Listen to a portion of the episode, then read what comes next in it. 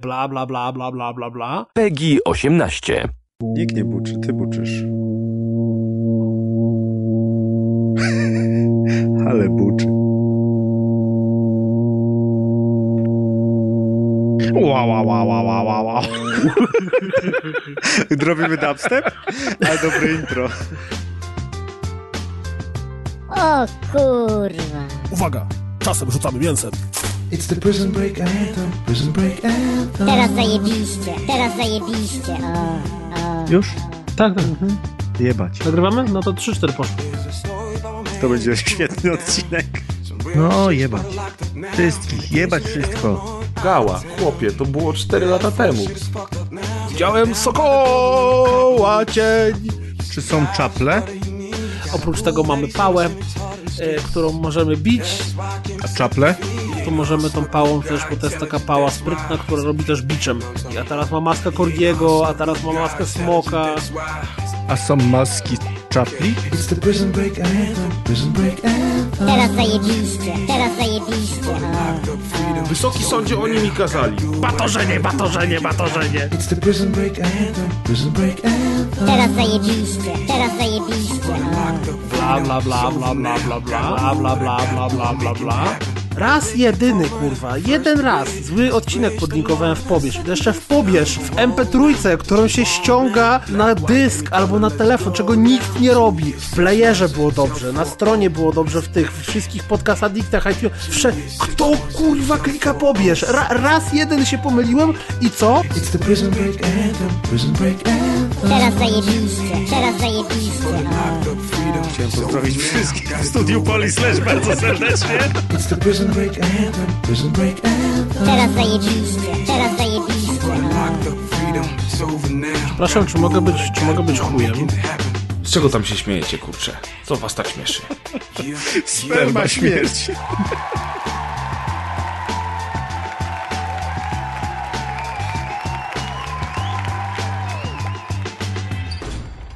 Pamiętacie, jak kiedyś było fajnie, jak mówiliśmy, poszły konie po betonie? Możemy wrócić. To zróbmy Znaczy jeszcze raz. pamiętamy, ale Nie, nie będziemy wracać. Wrac jeszcze najpierw wrócimy, a potem się cofniemy do jeszcze tyłu. Co to jest za ten statek U-181? To jest ubot. To jest Ma ale, rozgrywki. swastykę. to jest nasz... No ma, ale no, to jest co mam y, powiedzieć? w sensie ubot y, y, z Dazbotów generalnie. Tak, to jest niemiecka łódź podwodna Z Piotrze. tych ubotów. Ej, a właśnie, jak to było? Uboty z- 181. Jeżeli Ten syn coś było ubotem, Z z założenia musiało być, znaczy Uwe w sensie... Bota. Jak się nazywały nie niemieckie łodzi podwodne? No na przykład submarine, kuldan, po angielsku, Yellow albo łódź podwodna No dobra, po no ale, to, no ale to czemu nie mówimy, że to jest łódź podwodna niemiecka U-181, tylko mówimy z automatu, że to jest ubot, tak jakbyśmy... Bo te- w- Bo po, nie, bo nie po niemiecku jest- na, na to się łudzi, mówiło chyba ubot, a No może dobra, to jest a jak mówisz na amerykańską łódź podwodną, mówisz na Submarine. nich submarine, czy mówisz na pewnie. nią amerykańską łódź podwodna? No bo mamy germanizmy w naszym języku. Ale to jest, ale to są, patrzcie, jakie to są cwaniaki, bo przecież to w ogóle jest tak z y, armią niemiecką. Mówi się Zaśpiewajmy o rotę Luftwaffe, teraz, żeby przecież? wyprzeć.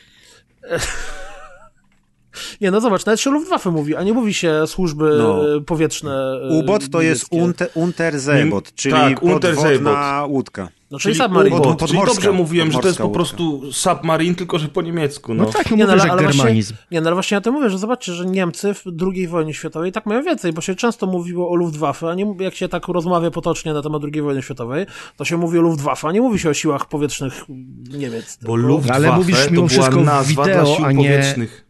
A nie No, no tak. wideo ale po chodzi- niemiecku, no, ale, jakkolwiek jest. Nie no, co? Co mówisz, Adek? Co, No, co? że mówisz wideo, tak? To nie jest polskie słowo, to jest angielskie Nie, słowo. no ale o coś innego mi chodzi. chodzi o Gała to, że 17 jak się naoglądał masz, nie wiem, niemieckiego wideo Każdy, każdy kraj miał swoje... Dobra, ale masz różne słowa, które przyszły z innych języków i ubot przyszedł z niemieckiego. Ale mi chodzi o to, że ubot jest Ale nie to, nazywamy każdej łodzi podwodnej to ubotem. nazwa własna na niemiecka Nie, nazwa to na niemiecką nie. łódź skrót podwodną. od No słowa, Kuldan. No Ubot to jest skrót od słowa, To które... nie jest tak, że to przyszło z niemieckiego języka słowo na Tak łodzi jak podwodnej UFO. jako takie. Ale UFO też mówisz. No to, no, i UFO jest świetnym przykładem. Ubot się mówi, to jest w skrócie od Unterseebot, rozumiesz? I nie wiem jak nawet jak to się wymawia. Chodzi tylko i wyłącznie o to, że tak się tak używa. się I niemieckie łodzie podwodne z czasu II wojny światowej potocznie nazywamy uboty. Tam naprawdę nie ma żadnej filozofii do tego. Nie, A Luftwaffe to to jest mi niemiecka chodzi. nazwa na siły powietrzne. No tak, i chodzi mi o to, że jeżeli w Polsce, nie w Niemczech, nie w, nie wiem, kurde, w Kanadzie, jeżeli w Polsce rozmawiasz o II wojnie światowej i mówisz sobie, że sobie walczyły niemieckie siły zbrojne powietrzne z angielskimi siłami zbrojnymi, to nie powiesz, że walczyły sobie niemieckie siły zbrojne, tylko powiesz, że to na przykład walczyło Luftwaffe z, kurde, angielskimi siłami powietrznymi, bo jaka jest nazwa analogiczna do Jest Luftwaffe nazwa na na angielskie co, siły RAF? powietrzne. RAF, Dzień dobry RAF to Państwu. była jednostka E, chyba, nie? Tutaj Royal Air Bogusław Force. Wołoszański, witamy w sensacjach XX wieku. W dzisiejszym odcinku Luftwaffe... Kuldan Nie, no RAF to nie jest jednostka. Kuldan, No, nie, RAF- RAF RAF to jest Royal Air. Force, czyli No, Wielka brytyjskie Brytania. siły powietrzne. No, I mówisz, że Luftwaffe walczyło z RAF. No, Luftwaffe walczyło z RAF-em. Chociażby bitwa o Anglię, tam Luftwaffe No, walczyło no ale z o RAF-em to i w pytasz, ramach to, RAF-u są Polacy. wszystko nazwy na siły powietrzne w konkretnym walczyły. języku, który, którego kraj te siły powietrzne po, posiadał, w związku z Ja czym... wiem, nie, ja to rozumiem. Mi po prostu chodzi o to, że zastanawiam się, czy w mowie potocznej używa się, za wyjątkiem ubotów i Luftwaffe, mówiąc o II wojnie światowej, też używa się właśnie mówienia o tym, że to jest RAF, czy raczej mówi się o tym, że to są angielskie siły lotnicze? Bo w wystarczy, Niemczech że mówi się o powiesz, The Luftwaffe, British nie? Air Forces fought the German Air Forces i masz już wszystko normalnie A powiedziane. albo przykład British Submarine fought the German Submarine. O no. Natomiast mówi się o No tym właśnie. dlatego, że to jest tak znana przykład. wojna i tak, że tak powiem, powszechna w języku w ogóle międzynarodowym, że używa się tych nazw, które po jest- prostu były... A To jest kamikadze? trochę tak, jak mówi się o Marinesach, a nie mówi się o żołnierzach, nie? Bo, bo właśnie... Marynarki wojenne. Jak to jest? Żołnierze Marines marynarki. to są żołnierze marynarki, tak? Tak, od A Marys. komandofoki to są No, najwięksi przeciwnicy tam na przykład pingwinów. Komandowaleni.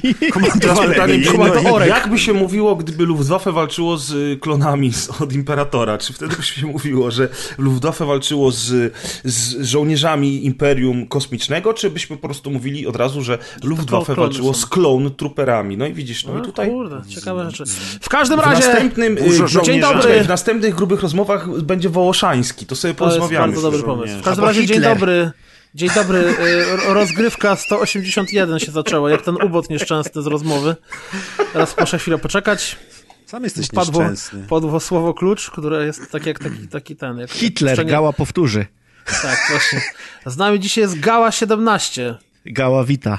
Gała wita. I Gała mówi o sobie w trzeciej osobie. Taka jest Gała sprytna. To jest gała. Jest Gała z się nami zgadza. również Grzegorz Wojewoda, czyli Presperes. Cześć. Czy kupiłeś sobie już El Press Edition? Yy, No właśnie coś? zapomniałem o tym El Press Edition, a teraz już wyszło Anno. W żadne z nich nie zagram w sumie. Anno więc- Press Edition. Nie, Anno to jest ja, ja lubię. Kuldan Edition. To jest moja też gra Maciek jest. Ciepliński, to jest moja gra, powinno być Anno się. Edition, dokładnie. Jest też Maciek Ciepliński, czyli Razer. Siema. Maciek, czemu nie masz drugiej ksywy? Oj, nie dorobiłem się jeszcze najwyraźniej, nie wiem. Dzisiaj, dzisiaj Gała ci e, dorobi. rozbawiło, uf, uf, rozbawiło mnie dzisiaj jak na e, grupie podcastu Jęki Walenia, która się nazywa Regularne Walenie. E, Vincent szerował codziennik z komentarzem, że e, codzienny brodacz znowu coś tam, coś tam. I mnie rozbawiło, że to Ojej, jest dobre. codzienny brodacz. Wiesz, tam, Piotrku, dane Kuldan, pan codziennik, codzienny brodacz. Zaatakował ją codzienny brodacz. Było to w nocy w alejce. Tak, A nie wiem, to był co poszukuje- nocny, brodacz by Co wtedy był. nocny. Oto, oto, On dzień robił No coś już masz nową ksywę, Kuldan. Co Co nocny nocny brodacz? brodacz. Co nocny Nocny brodacz to był niedawno. E, No dobrze, a czy e, słyszeliście o tym, że Oho. e, portal Oho. Wired.com dostał, e, zostali zaproszeni przez pana Cernego, Marka, Mareczka, do... Czorny. Czarny Mark. Mark. To Niemiec chyba. To znowu wracamy do tego botu. Zubota. W każdym razie... Ciekawe, czy na Xboxie może grać w tym Mork ubocie. Czarny postanowił im pokazać devki PS5 i trochę poopowiadać o niej. Gała nie słyszał. No to ja wam szybko zrobię Ale Gała e, chętnie skrót, e, skrót cieszy. najważniejszych informacji, które można było wyciągnąć z tego. Po pierwsze, konsola ma być bardzo mocna. Bo wiadomo, że jak się coś mówi, oparta na AMD chipsecie, a na karcie graficznej Radeona. No to mocna ogóle- czy na AMD w końcu? 8 korów ma mieć, znaczy rdzeni. Ja nie wiem, to ty mi powiedz, czy to jest dużo, czy to jest mało. Mało. I 7 nanometrów Zentu Micro Architecture. Motherfucker. Madafaka. Będzie, Ja nie mam e, miejsca na tyle pod Ray, telewizonem. ray 7 Tracing będzie e, ob, ob, Będzie. obsługiwała. Będzie ray tracing. Będzie ray tracing, Super. będzie e, oczywiście coś, co, co z gatunku... Dźwięk jakie, będzie? Jakie, jakie, ba, dźwięk ma być w ogóle super, hiper, będzie, czy nowoczesny ona tylko będzie system. obsługiwała, ale nie będzie miała obrazu, bo to wiesz, to też tak może być. E, co do dźwięku, to oni tam się chwalili, dźwięk, że kurna. w tej generacji PS4 i Xbox One w ogóle nie zostało nic zrobione z dźwiękiem, a tutaj właśnie teraz dźwięk to Będzie, jest coś... ja wiem, będzie w końcu changer. Audio CD odtwarzać. się Będzie można głośność zmieniać. Będzie Powiedział wsparcie Gała. 3D audio. 17. E, a propos tej mocy tej konsoli, to padło jeszcze hasło, ale ja nawet nie wiem, po co oni mówią takie rzeczy, bo to jest w ogóle, to jest po prostu... To jest na pewno żenada. ważne, powiedz. Tak, że 8K będzie obsługiwała i już to widzę po prostu. Tylko tyle? Już, chyba w 12 klatkach będzie to 8K obsługiwała. 8K. Nie chodzi o to, że tak. będą wszystkie gry, czy jakiekolwiek gry w 8K, ale jeżeli by była taka możliwość i podepniesz do telewizora 8K, to wtedy konsola wyświetli ci obraz. Tak, i właśnie dlatego ja uważam, że mówienie takich rzeczy jest bez sensu. Bo, No wiesz, no to, są tak, to jest takie bajdurzenie typowe, zaraz jeszcze nie ma wyjdzie i powie, że będzie specyfikacji. 32K. w ogóle. Ja to najbardziej jestem zaskoczony nawet już nie tym 8K, tylko tym ray tracingiem, bo y, najprostsze karty z ray Byś 3K tracingiem... wolał. Nie, ale wiesz, y, najprostsze karty z ray tracingiem w tej chwili... Dziękuję. Ja nie załapałem tego dowcipu. No, no to dobrze, to dobrze, że nie załapałeś. okej, nie, dobra. nie przejmuj się, każdym dalej. Razie, y, no tak, a już dobra, załapałem. Y, W każdym razie ten, generalnie rzecz biorąc, Podwójne y, naj, najtańsze karty z ray tracingiem kosztują teraz 2,5 tysiąca złotych. Najtańsze. E, I kurczę, i co, oni chcą mi powiedzieć, że, że ta konsola będzie kosztowała poniżej 2000 czy 2000 Nie, nie, powiedziałem, że będzie cena, teraz. cena będzie analogiczna do premierowej ceny PS4, czyli jakieś tam te 2, 2, 200, 2, Bo 200. słuchaj, No bo- ale to nadal. Ale panie prezie, tu ch- chodzi o to nie to o to, co oni mówią, tylko o niczego nie mówią, bo nie powiedzieli w ilu klatkach będą te gry chodzić. One będą w 8K z ray tracingiem Plus- i tyle. Gała ci wyjaśni.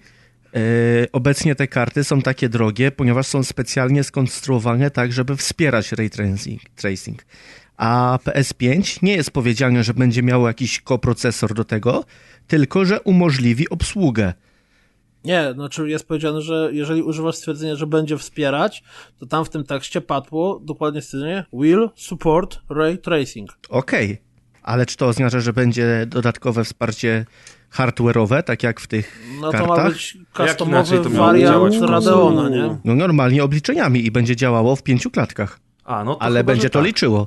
Rozumiem. No, generalnie rzecz biorąc, wiecie, ciężko Gała, jest wyjść wyjaśnij. z fusów. Znaczy, poczekajcie, bo jeszcze nie dokończyłem, y, dokończę, jakby ktoś z naszych słuchaczy tego nie słyszał. A więc tak, mamy mocne bebechy, 8K, ray tracing, y, cena analogiczna do premierowej ceny PS4, premiera na pewno nie w tym roku, czyli ja strzelam jesień 2020, y, wsparcie z PSVR-em, czyli pewnie prędzej czy później PSVR 2. E, I dwie rzeczy, które są akurat interesujące. Pierwsza rzecz, czyli super nowa technologia twardych dysków, znaczy jakieś tam dobajeżone SSD. Jeżeli mówimy o dobajeżeniu, to oni porównywali to z PS4. Mm, To znaczy, odpalili Spidermana na PS4 i Spiderman odpalił się po 15 sekundach. Czyli Znaczy tak to był chyba niż- fast travel. Z tego co ja czytałem, to chodziło o, o no- fast travel zrobiony w grze. Tak, tak. Potem odpalili e, analogię, e, tą samą czynność odpalili na devkicie e, PS5 i odpaliła się tam w mniej niż sekundę. Więc okej. e, Czy na ciekawostka drobna. PS4 to szło z SSD? Pewnie nie, pewnie jest na bazowym modelu PS4 z bazowym dyskiem, jaki był w PS4, nie? Ale nawet jak, jak tam Digital Foundry robiło porównanie, jak wkładałeś e, SSD do, do, do konsoli, to tam wcale te czasy się tak, okej, z- zwiększały się, czy zmniejszały się, ale to nie było tak, że z 15 sekund robiło ci się sekundę. No bo nie korzyst- znaczy- 4 sekundy, nie? Ani sprzęt pewnie nie wykorzystał SSD-ka w całości, ani gry nie były pewnie podpisane pod to, żeby tak szybko działać. Chociaż nie, bo tu na tym Spider-Manie testowali, to głupoty gadam. I to, że testowali na Gała jest Spidermanie, jest Przepraszam, powiązane z Gały. tym, że konsola będzie wstecznie kompatybilna, ale padło hasło tylko i wyłącznie PS4. Czyli to jeżeli chyba se jaja sobie chcieli robią. pograć w, w PS3 gry, to i tak będziesz miał PS2, 3, albo będą je wydawali w, w HD wersjach. Znaczy, pamiętaj, że na PS4 działają niektóre gry z PSX-a i niektóre gry z PS2. Zresztą No nawet chyba jakieś że tak, ale to nie jest kompatybilność wsteczna, bo te gry musisz kupić Nie jeszcze jest. raz. Znaczy, no tak, absolutnie. Y, Znaczy, chyba, no nie wiem jak to jest. Z Tak, PSX-em tak, to- chyba Nie, no, można wsadzić płytkę? No nie można chyba. Nie Z można. PS6? No nie wiem, nieważne. Znaczy, ważne, ale nie, nie wiem, szczerze mówiąc. Natomiast y, y, gry z PS4 będą działały i dla mnie jest to absolutnie poparcie mojej teorii, którą wieszczę od dłuższego czasu, że e, kolejna, że gry, które będą pojawiały się pod koniec PS, generacji PS4 i Xbox One, będą równocześnie z automatu działały na następcy PS4 i następcy Xbox One, więc po prostu będziesz mógł sobie wybrać, tak jak możesz sobie kupić, nie wiem, teraz Anno 1800 i grać je na swoim słabym laptopie, albo możesz kupić lepszego laptopa, albo lepszą kartę graficzną do swojego komputera i wtedy grać w tą samą grę na będzie ta, sprzęcie. myślisz, że to będzie ta sama płyta jakby? Myślę, że to będzie ta I sama po płyta. prostu na PS4 Tak. ci się odpali w low, a, a tutaj będzie Tak, w high, powiedzmy? Albo, no tak jak tak. teraz masz na PS4 i PS4 Pro, Więc czy na PS5 nie powinno się w ogóle na nazywać Xboxie PS5, tylko One X. PS4 Pro Pro. Albo PS4 No, Pro We Are widzisz, bo to Sorry. jest... Albo Znaczy, nie, no, PS3 no, Pro, Pro, no, Pro, Pro. Jeżeli, jeżeli zmieniają tą technologię dysku twardego i tam sranie w banie, to... Ale w drugą stronę to nie zadziała. Gra z pudełka w, w pudełku PS5 nie odpalisz na PS4. No jest to bardzo prawdopodobne. Pytanie, jak długo się będą pokazywały, ja- i Znaczy, kiedy ty- zaczną ty- się pojawiać gry stricte PS5, nie? Słuchajcie, zobaczymy, zobaczymy. Natomiast bebechy, yy, takie bebechy, jakie oni zapowiadają, albo inaczej, takie możliwości, jakie oni zapowiadają, sugerują, że to nie może być sprzęt pokroju tego sprzętu, który dostawaliśmy w ósmej generacji, bo ja nie wierzę w 8K i ray tracing nawet w 30 FPS-ach. Już nie mówiąc o tym, że o 60 FPS-ach możemy w tej chwili po prostu zapomnieć, bo jeżeli będziemy szli w coraz wyższe, e, w coraz wyższe rozdzielczości i w takie bariery jak ray tracing, który jest ledwo w tej chwili osiągalny na PC, a co dopiero za dwa lata będzie na konsolach, ja po prostu w to nie wierzę. I przy tym wszystkim nie wierzę w to, że ta konsola będzie kosztowała 2000 zł. Bo to jest niemożliwe. Znaczy, ja mam wrażenie, że to będzie. Już możemy się nastawiać na to, że w 2020 roku. Oczywiście, u, teza z dupy, tiririn, że w 2020 roku dostaniemy PS5, a w 2023 dostaniemy PS5 Pro. No, pewnie Czyli tak. te konsole będą wydawane co 2-3 lata, y, dopasione wersje tej samej konsoli, żeby tak jak na twojej zwykłej PS5 będzie ray tracing, ale jak go włączysz w opcjach sobie, jest, chcę mieć ray tracing, wtedy 12 FPS-ów, to potem jak kupisz konsolę za te same pieniądze w 2023, 20 FPS. 25 FPS! Mniej więcej tak jak teraz z grami w 4K na PS Pro. Ja w ogóle ten, w ogóle się dziwię, bo jestem, jak wiadomo, świeżym posiadaczem PS4 i bardzo szybko dla mnie ta PS5 nadchodzi i każda kolejna generacja jakby nadchodzi dla mnie coraz szybciej, ale teraz sobie szybko prze, przepatrzyłem z ciekawości, ile trwały poprzednie generacje. P, PS1 żyła 5 lat, po 5 latach pojawiła się PS2, żyła 6 lat, i potem przyszła PS3 na 7 lat i teraz najwyraźniej, jeśli PS4 będzie w 2020, to jest znowu 7 lat. Przy czym mi się A wydaje, czemu? że E, era PS3 PS1 i PS... 7 lat trwała? No czemu? Dlatego, że po pięciu latach pojawił się Move i Kinect, który wydłużył sztucznie tę generację o dwa lata i dokładnie tak samo jak w przypadku tej generacji pojawił się PS4 No tak. Pro i Xbox No One tak. X, które wydłużyły tę generację o kolejne powiedz lata. mi, O, one ją wydłużyły, jak ale mi mówisz- chodzi, mi chodzi o to, że ja mam wrażenie, że era PS1 i PS2 trwały w cholerę długo, PS3 trwał trochę krócej, a mam wrażenie, że era PS4 dopiero co była, a oni już zapowiadają Bo jak PS5. masz 12 lat, to każdy rok to jest jedno dwunastko Tak, twojego każdy życia. Jak dzień masz trwa lat 30 miesiąc. parę, to No. jeden rok to jest w ogóle, wiesz, tam kurde, godzinę. Ta. A powiedz mi, Kuldan, bo ty mówisz, że skoro e, mówią o wsparciu PSVR dla PS5, to prawdopodobnie za jakiś czas pojawi się PSVR 2. A nie obawiasz się, że będziemy mieli tą samą sytuację, którą mieliśmy z Kinectem dla Xboxa One i po prostu to będzie na zachętę, a potem się okaże, że tego wspierania to wcale nie będzie? Jest taka, taka możliwość, E, prawda? To jest tak, PS, Sony i zresztą nie tylko Sony, bo HTC i Oculus również, dalej pchają e, VR. Nie zrezygnowali z niego. Mamy ile tam? Ponad dwa lata od premiery i to nie jest tak, że oni już powiedzieli, nie, nie, ta technologia w ogóle nie istnieje, zapomnijcie, dalej będziemy ten, tylko dalej próbują. Co więcej, zarówno Oculus, jak i e, Vive teraz jakoś na dniach czy na miesiącach wypuszczają swoje bezprzewodowe wersje headsetów. Ja tam czytałem ploteczki na temat tego, że yy, Sony również pracuje nad bezprzewodowym PSVR-em.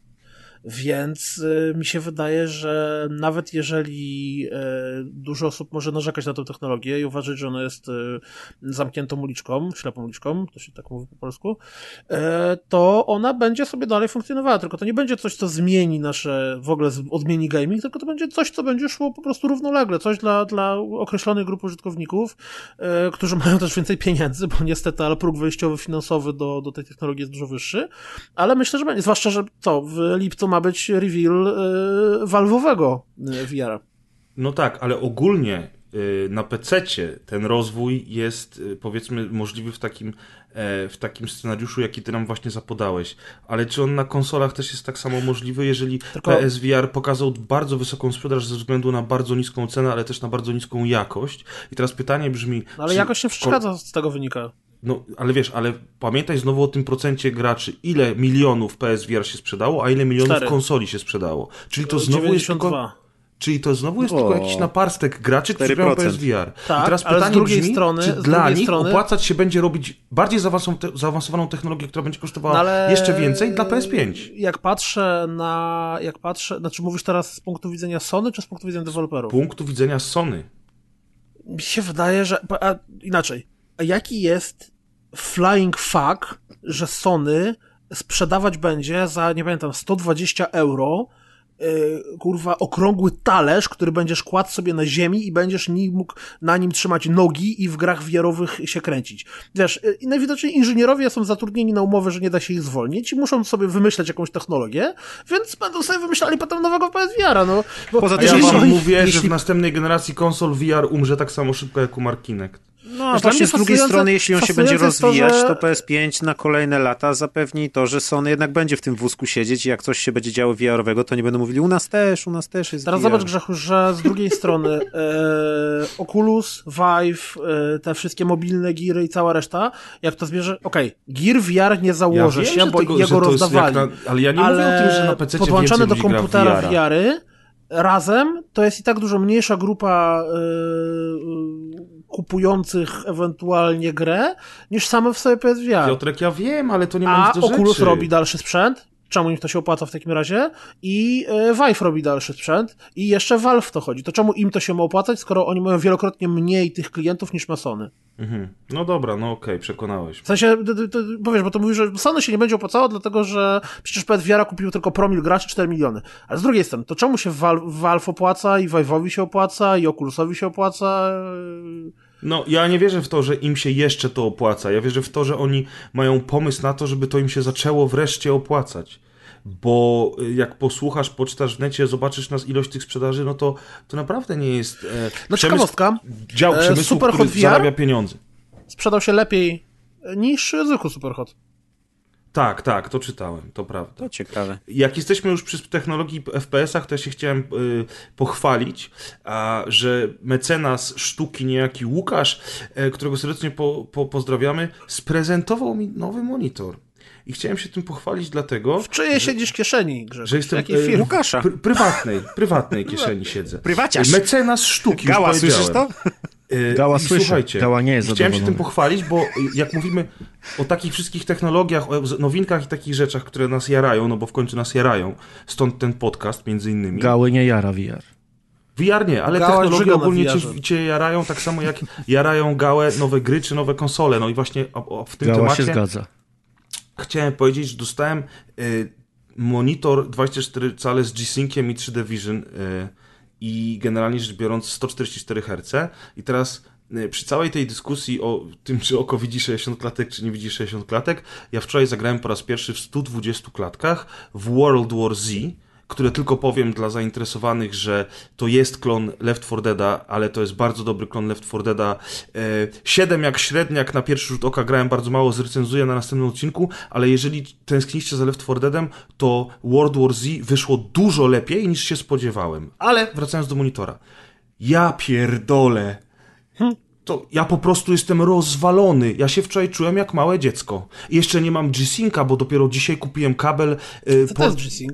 G-Sync to jest technologia, która y, powoduje, że y, karta graficzna in, wysyła informacje do monitora, kiedy ma się odświeżać. Tak w skrócie, prawda Maciej?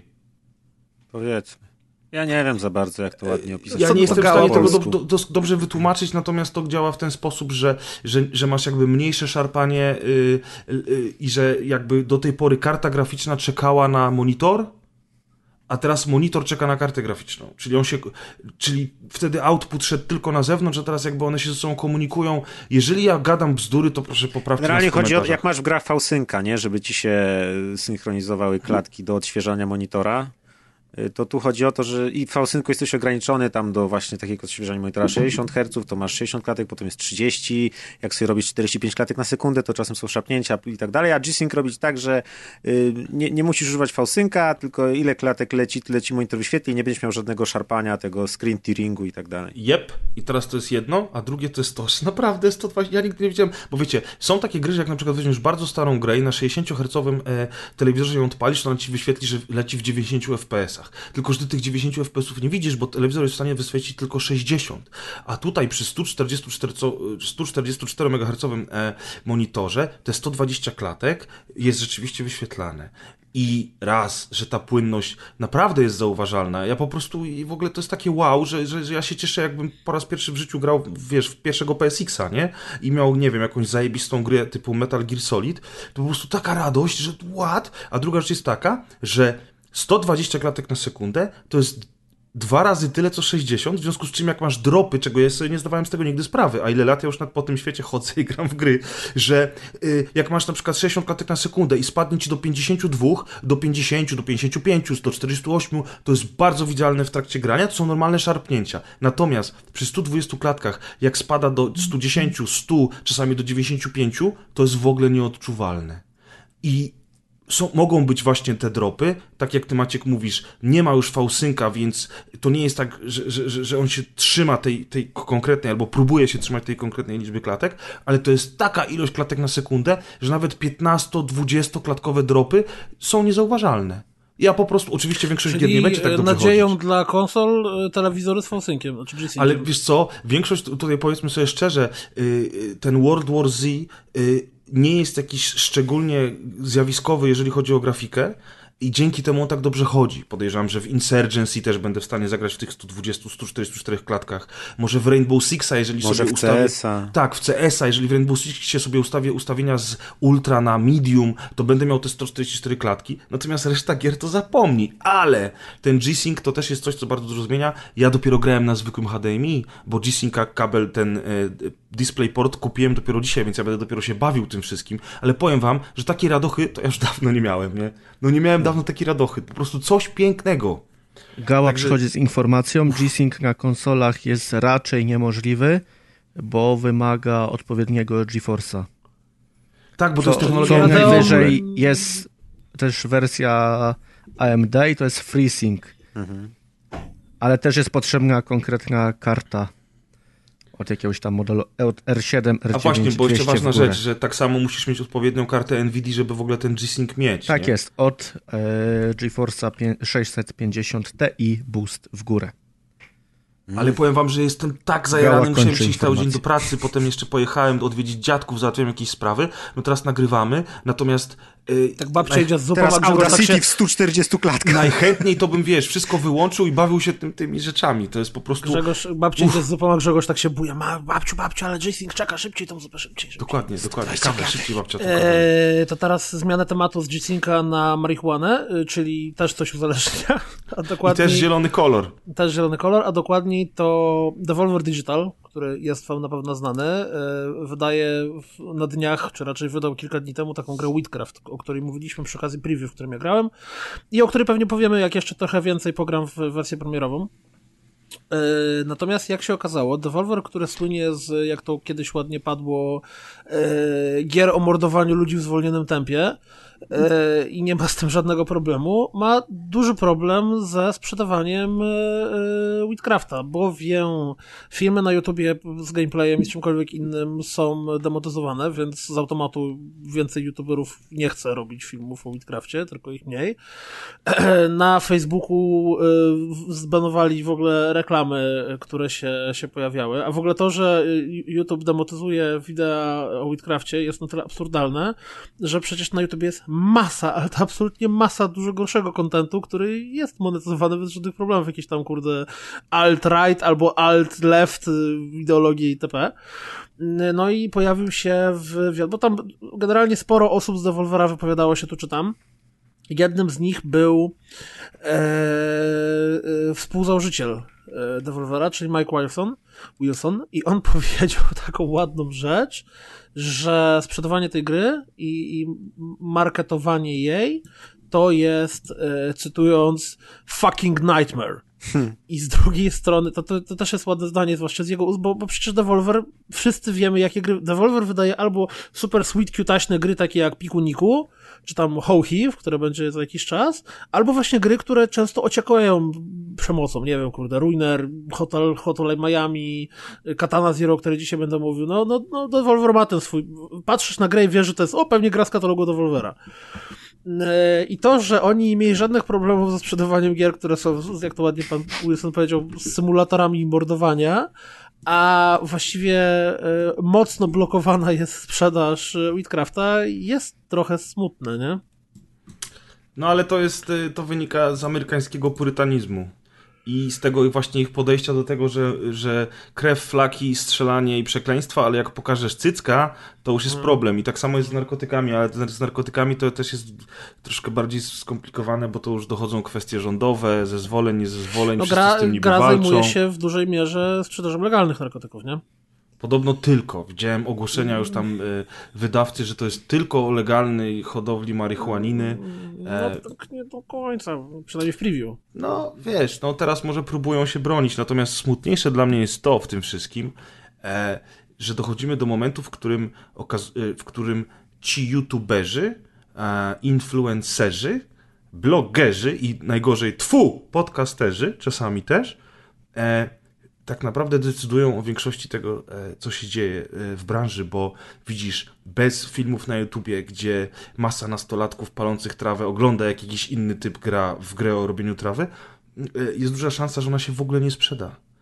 Bo reklamy jedno, recenzje drugie, ale wiesz, że nie masz reklam na Facebooku, YouTuberzy.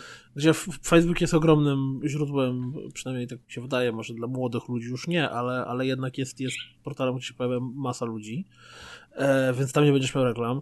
Na YouTube będziesz miał dużo mniejsze zasięgi filmików, dlatego że ludziom się nie będzie chciało, albo po prostu algorytm YouTube'a będzie je, je, je, je kasował.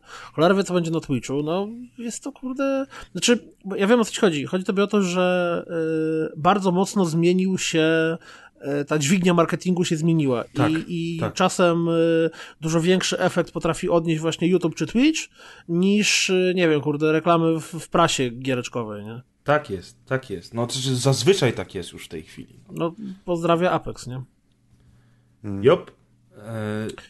No, no zobaczymy. dobra, przejdźmy dalej, bo słyszę tutaj, że Gała jako y, fan nic nie ma do powiedzenia. Myślałem, że Gała się wyrywa. Słyszysz, jak się wyrywa.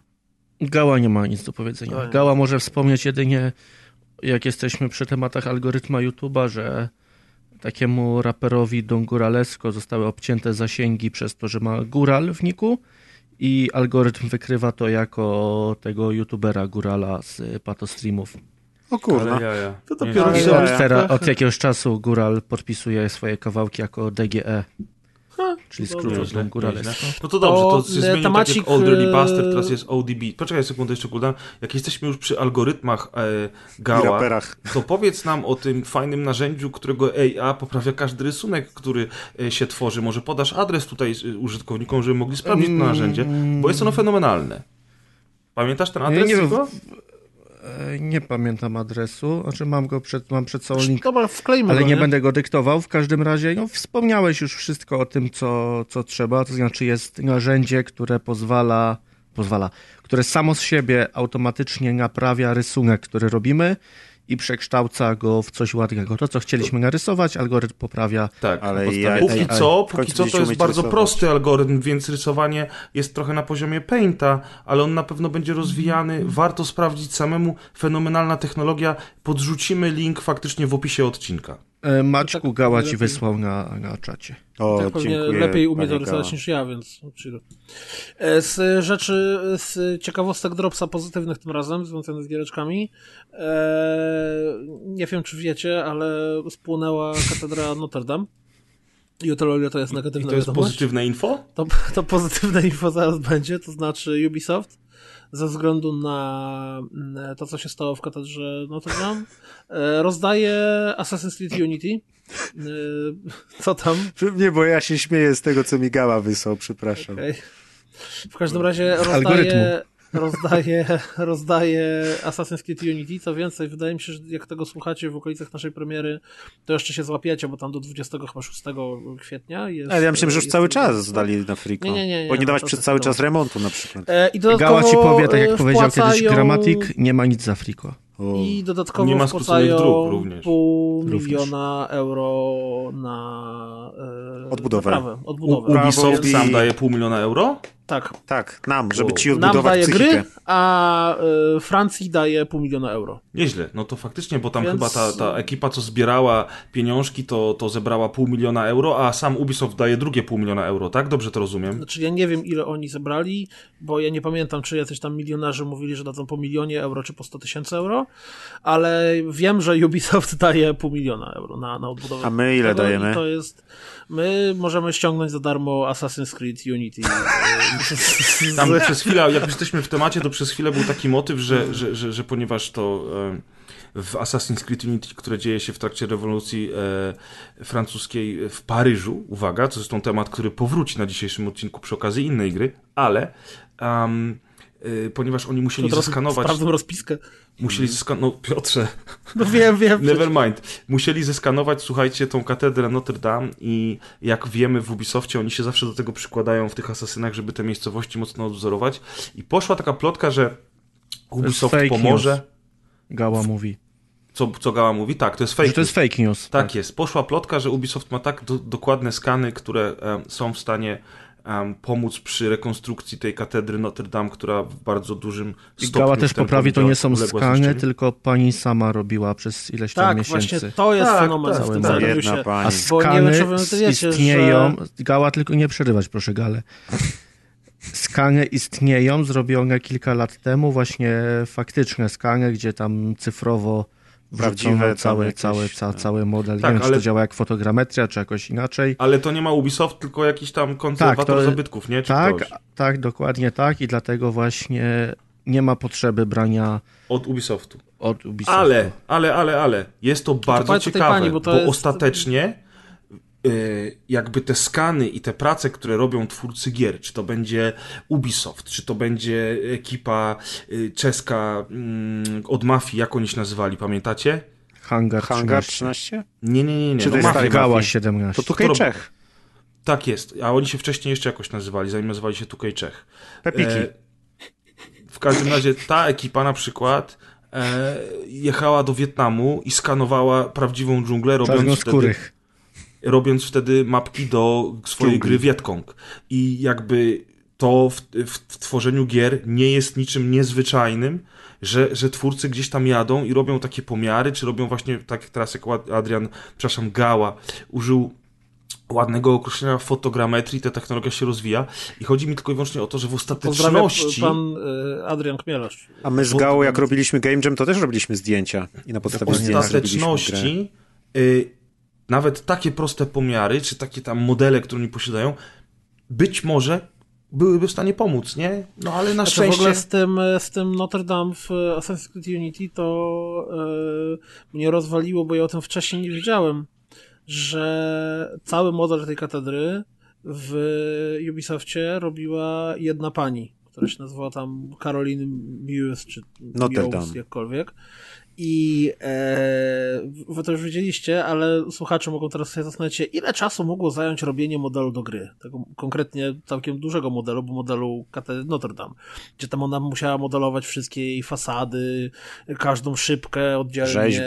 rzeźby wszystko. Przede wszystkim rzeźby, których jest było E, o- sporo. Robiła również wnętrza I ile to waszym zdaniem, drodzy słuchacze, zajęło? Uwaga, Czy Gała uwaga. może wziąć udział? Gała może, proszę, bo Gała wie, więc Gała odpowiada 17 miesięcy. 18 nawet. Gała się pomylił, ale Gała może. 14 miesięcy, 14 miesięcy zewnętrzne fasady i 4 miesiące wnętrze. I teraz, jeżeli się nad tym zastanowisz, że przez półtora roku swojej pracy, dzień w dzień, modelujesz jeden obiekt do gry wideo, Ale potem na przykład- znowu Gała no. przyjdzie, to nie jest jeden obiekt. czy To nie, nie masz jest tak, jest że milion ta pani obiektów miała składających się jedną na jeden scenę obiekt. otwartą i tam rzeźbiła.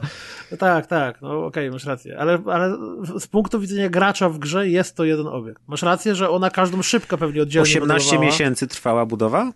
Tak. No to y, prawdziwa budowa katedry Notre Dame trwała 180 lat. To, Yes, we know. no. W ogóle jeszcze ciekawostka odnośnie tego pożaru samego w sobie i temu, czemu to jest y, większa tragedia niż można o tym pomyśleć, że ta odbudowa jest właściwie niemożliwa. Znaczy, niemożliwe będzie odbudowa, odbudowa tego dachu y, w takiej formie, w jakiej on był, dlatego że y, dach świątyni był zrobiony z potwornie dużych drzew.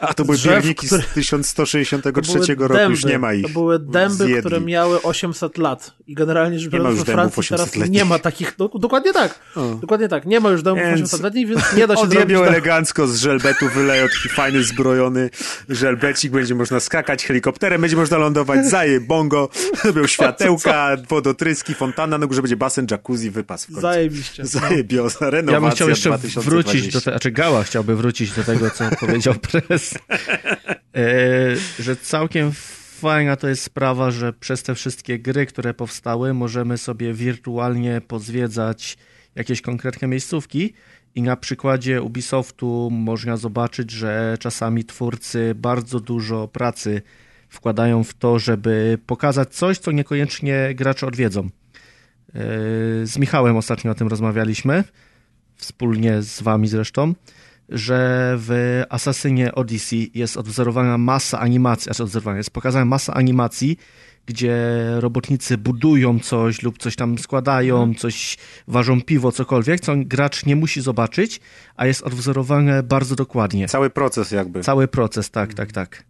I, i, I to właśnie dzięki grom możemy sobie zobaczyć, jak to, jak to wyglądało, jak to może wyglądać.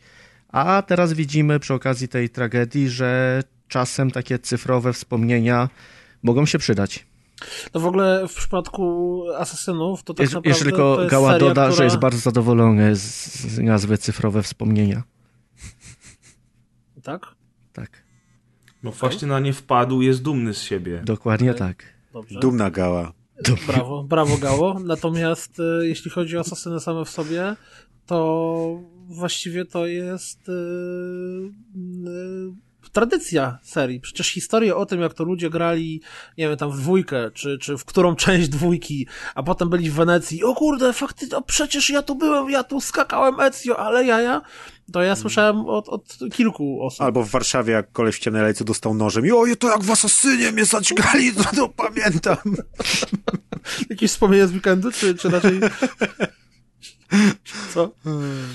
No, dobrze, idźmy dalej. E, Grzegorzu, y, przepraszam, nie powinienem mówić do ciebie, że temat. Grzegorzu, wyjdź. Za późno, za późno się zorientowałem. Grzegorzu, wyjdź. Ale A to inaczej. To jest mój temat, no ja go wpisałem na rozpiskę. Okej, czyli dobrze. Jesteś masochistą. Uf. Nie, nie, pominę milczeniem trailer y, dziewiątego epizodu Gwiezdnych Wojen. Który też się ukazał i też był weekendowym. Tak. Oglądaliśmy bo go na żywo wszyscy razem, nie? Oglądaliśmy wszyscy razem ten trailer. Ja kojarzę ze pomijamy dwa go ujęcia jakieś. Yy, Śmiejący pominę się milczeniem. Mandaloriana, który faktycznie wygląda nieźle i będzie, znaczy może inaczej, nie pominę go milczeniem. To jest ciekawy temat. A co to jest ten Na- Mandalorian? Bo mi tylko Mandalorian mignęło, to jest serial- Disney y, Plus. To jest serial dla Disney Plus, który będzie otwierał jakby abonament Disney Plus i będzie dostępny na jesieni e, przed premierą dziewiątego epizodu i będzie opowiadał historię takiego jednego pana najemnika w zbroi Mandalorian, zupełnie niepodobnego do Boba Fetta, zupełnie. E, To on jeszcze laską będzie, zobaczysz. Który dzieje się, nie, O bo wiadomo kto żółtą. go gra. No, ale to Dzieje jest taka się- ściema. Naprawdę będzie grał w laskę. Serial się dzieje po. Return of the Jedi, teraz ja mówię, takie, po, teraz ga, gale się nie przerywa, to ja poproszę również chwilę ciszy. Y, serial się dzieje po Return of the Jedi i jest w miarę bezpieczny, bo już w trailerze widać Tatooine i Sturmowców i wszystko po raz enty to samo, ale rzeczywiście to jest ten okres wokół oryginalnej trylogii, więc bardzo nie są w stanie tego spieprzyć, ponieważ tam wszystko, co już było napisane przed nimi zostało napisane, no więc myślę, że jest całkiem ok i na pewno będzie dobrym motorem napędowym dla startu platformy Disney+. Ja w innym kontekście się zastanawiałem dzisiaj, słuchajcie, bo podobno Wiedźmin na Netflixie ma wyjść w tym samym okresie, a więc pod koniec roku 2019, tego roku. I teraz moje pytanie jest e, następujące. Czy Netflix nie boi się Disneya, ponieważ um, Disney najpierw wywali tego Mandaloriana ze swoją nową platformą, na którą się pewnie część ludzi rzuci, no bo to Gwiezdne Wojny, bo to nowa platforma, bo będzie na pewno startowy super bonus w stylu 30 dni za darmo i tak dalej na początek, a zaraz potem jest dziewiąty epizod, więc końcówka tego roku będzie totalnie należała do Gwiezdnych Wojen. I teraz pytanie brzmi, czy jest sens wydawać e, Wiedźmina w tym samym okresie czasu, w, w tym samym czasie, e, ponieważ no bo jednak część ludzi z Netflixa stwierdzi, no dobra, no oglądałem tego, dobra, może nie wiem, nie wszystkich stać na dwa abonamenty. Albo nawet inaczej, jeżeli będą mieli dwa abonamenty na raz, a ten drugi będzie darmowy, bo nie wiem, bo Disney Plus powie, pierwsze 30 dni macie za darmo, a potem oszuka Polaków, tak jak zrobił to Netflix i zabierze im to za darmo, to to generalnie rzecz biorąc, jednak mówimy o walce o czas klienta i powtarzamy o tym już od wielu miesięcy, że na przykład sam Pornhub nawet w pewnym momencie skomentował, że Fortnite zabiera im klientów, nie? No i tutaj mamy podobną sytuację. I tak sobie po prostu głośno myślę, czy jest sens, żeby tego Wiedźmina, który na pewno będzie y, budżetowo chociażby gorszy od tego Mandaloriana... Już ci Gała tłumaczy.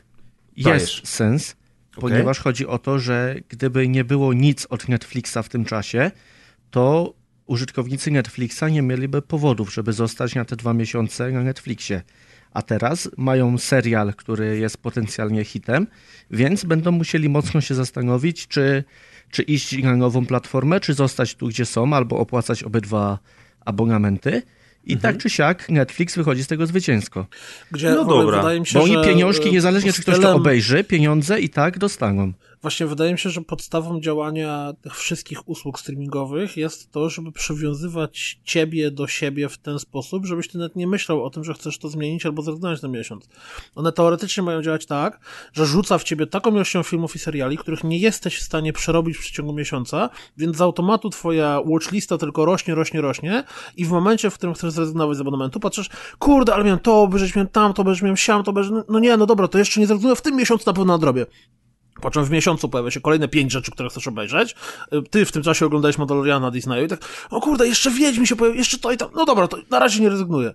I w ten oto sposób jesteś, wiesz, przywiązany do, do, do, do nagle czterech usług i tracisz dom, bo nie masz, masz długi i okazuje się, że siedzisz pod mostem z telefonem w ręku i oglądasz Mandaloriana i Wiedźmina. Zresztą dalej to są tylko dwa filmy, seriale, a na Netflixie jest tego No, dużo, da radę je dużo, dużo obejrzeć w tym samym czasie raczej.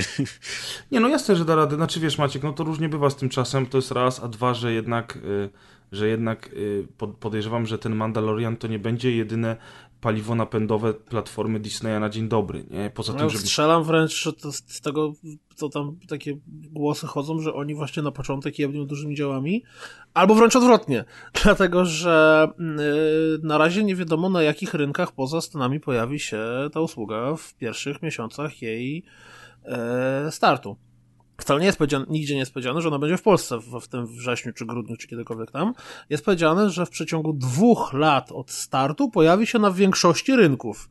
A pytanie, czy w Aha, większości, czy w. Polsce W Chinach. będzie w grudniu, czy w Polsce będzie w grudniu 2020, to nigdzie nie zostało powiedziane. To jest bardzo ciekawe, bo ja się cały czas zastanawiam nad tym, czy Disney, który lubi e, przeplatać e, swoje różne dzieła tak, żebyś musiał poznać każde z nich, żeby poznać całość fabuły, o czym zresztą żeśmy rozmawiali ostatnio, jak się widzieliśmy, to e, czy, czy na przykład Disney nie stwierdzi, że skoro w listopadzie wychodzi The Mandalorian, powiedzmy jest 8 odcinków pierwszego sezonu, wszystkie wychodzą naraz i nagle w siódmym odcinku pojawi się coś, co spowoduje, że ty powiesz, o cholera, muszę iść teraz na dziewiąty epizod do kina, bo ten wątek totalnie mówi o tym, że zostanie rozwiązany w tym dziewiątym epizodzie, bo coś tam się dowiem, chociaż e, chronologicznie lata dzielą e, jakby te wydarzenia, natomiast no Disney lubi tak robić, nie? I w tym momencie, jeżeli Czy to jest to, o czym ty kiedyś mi tłumaczyłeś, że pierwszy, znaczy, że w nowej trylogii dużo wątków jest opowiedziane w książkach i że bez przeczytania książek nie masz tym żadnego pojęcia. To jest moim zdaniem tak Tak, dupy, czy chociażby to, to postać, która pokazuje się na zakończeniu Hanna Solo i nagle się okazuje, że,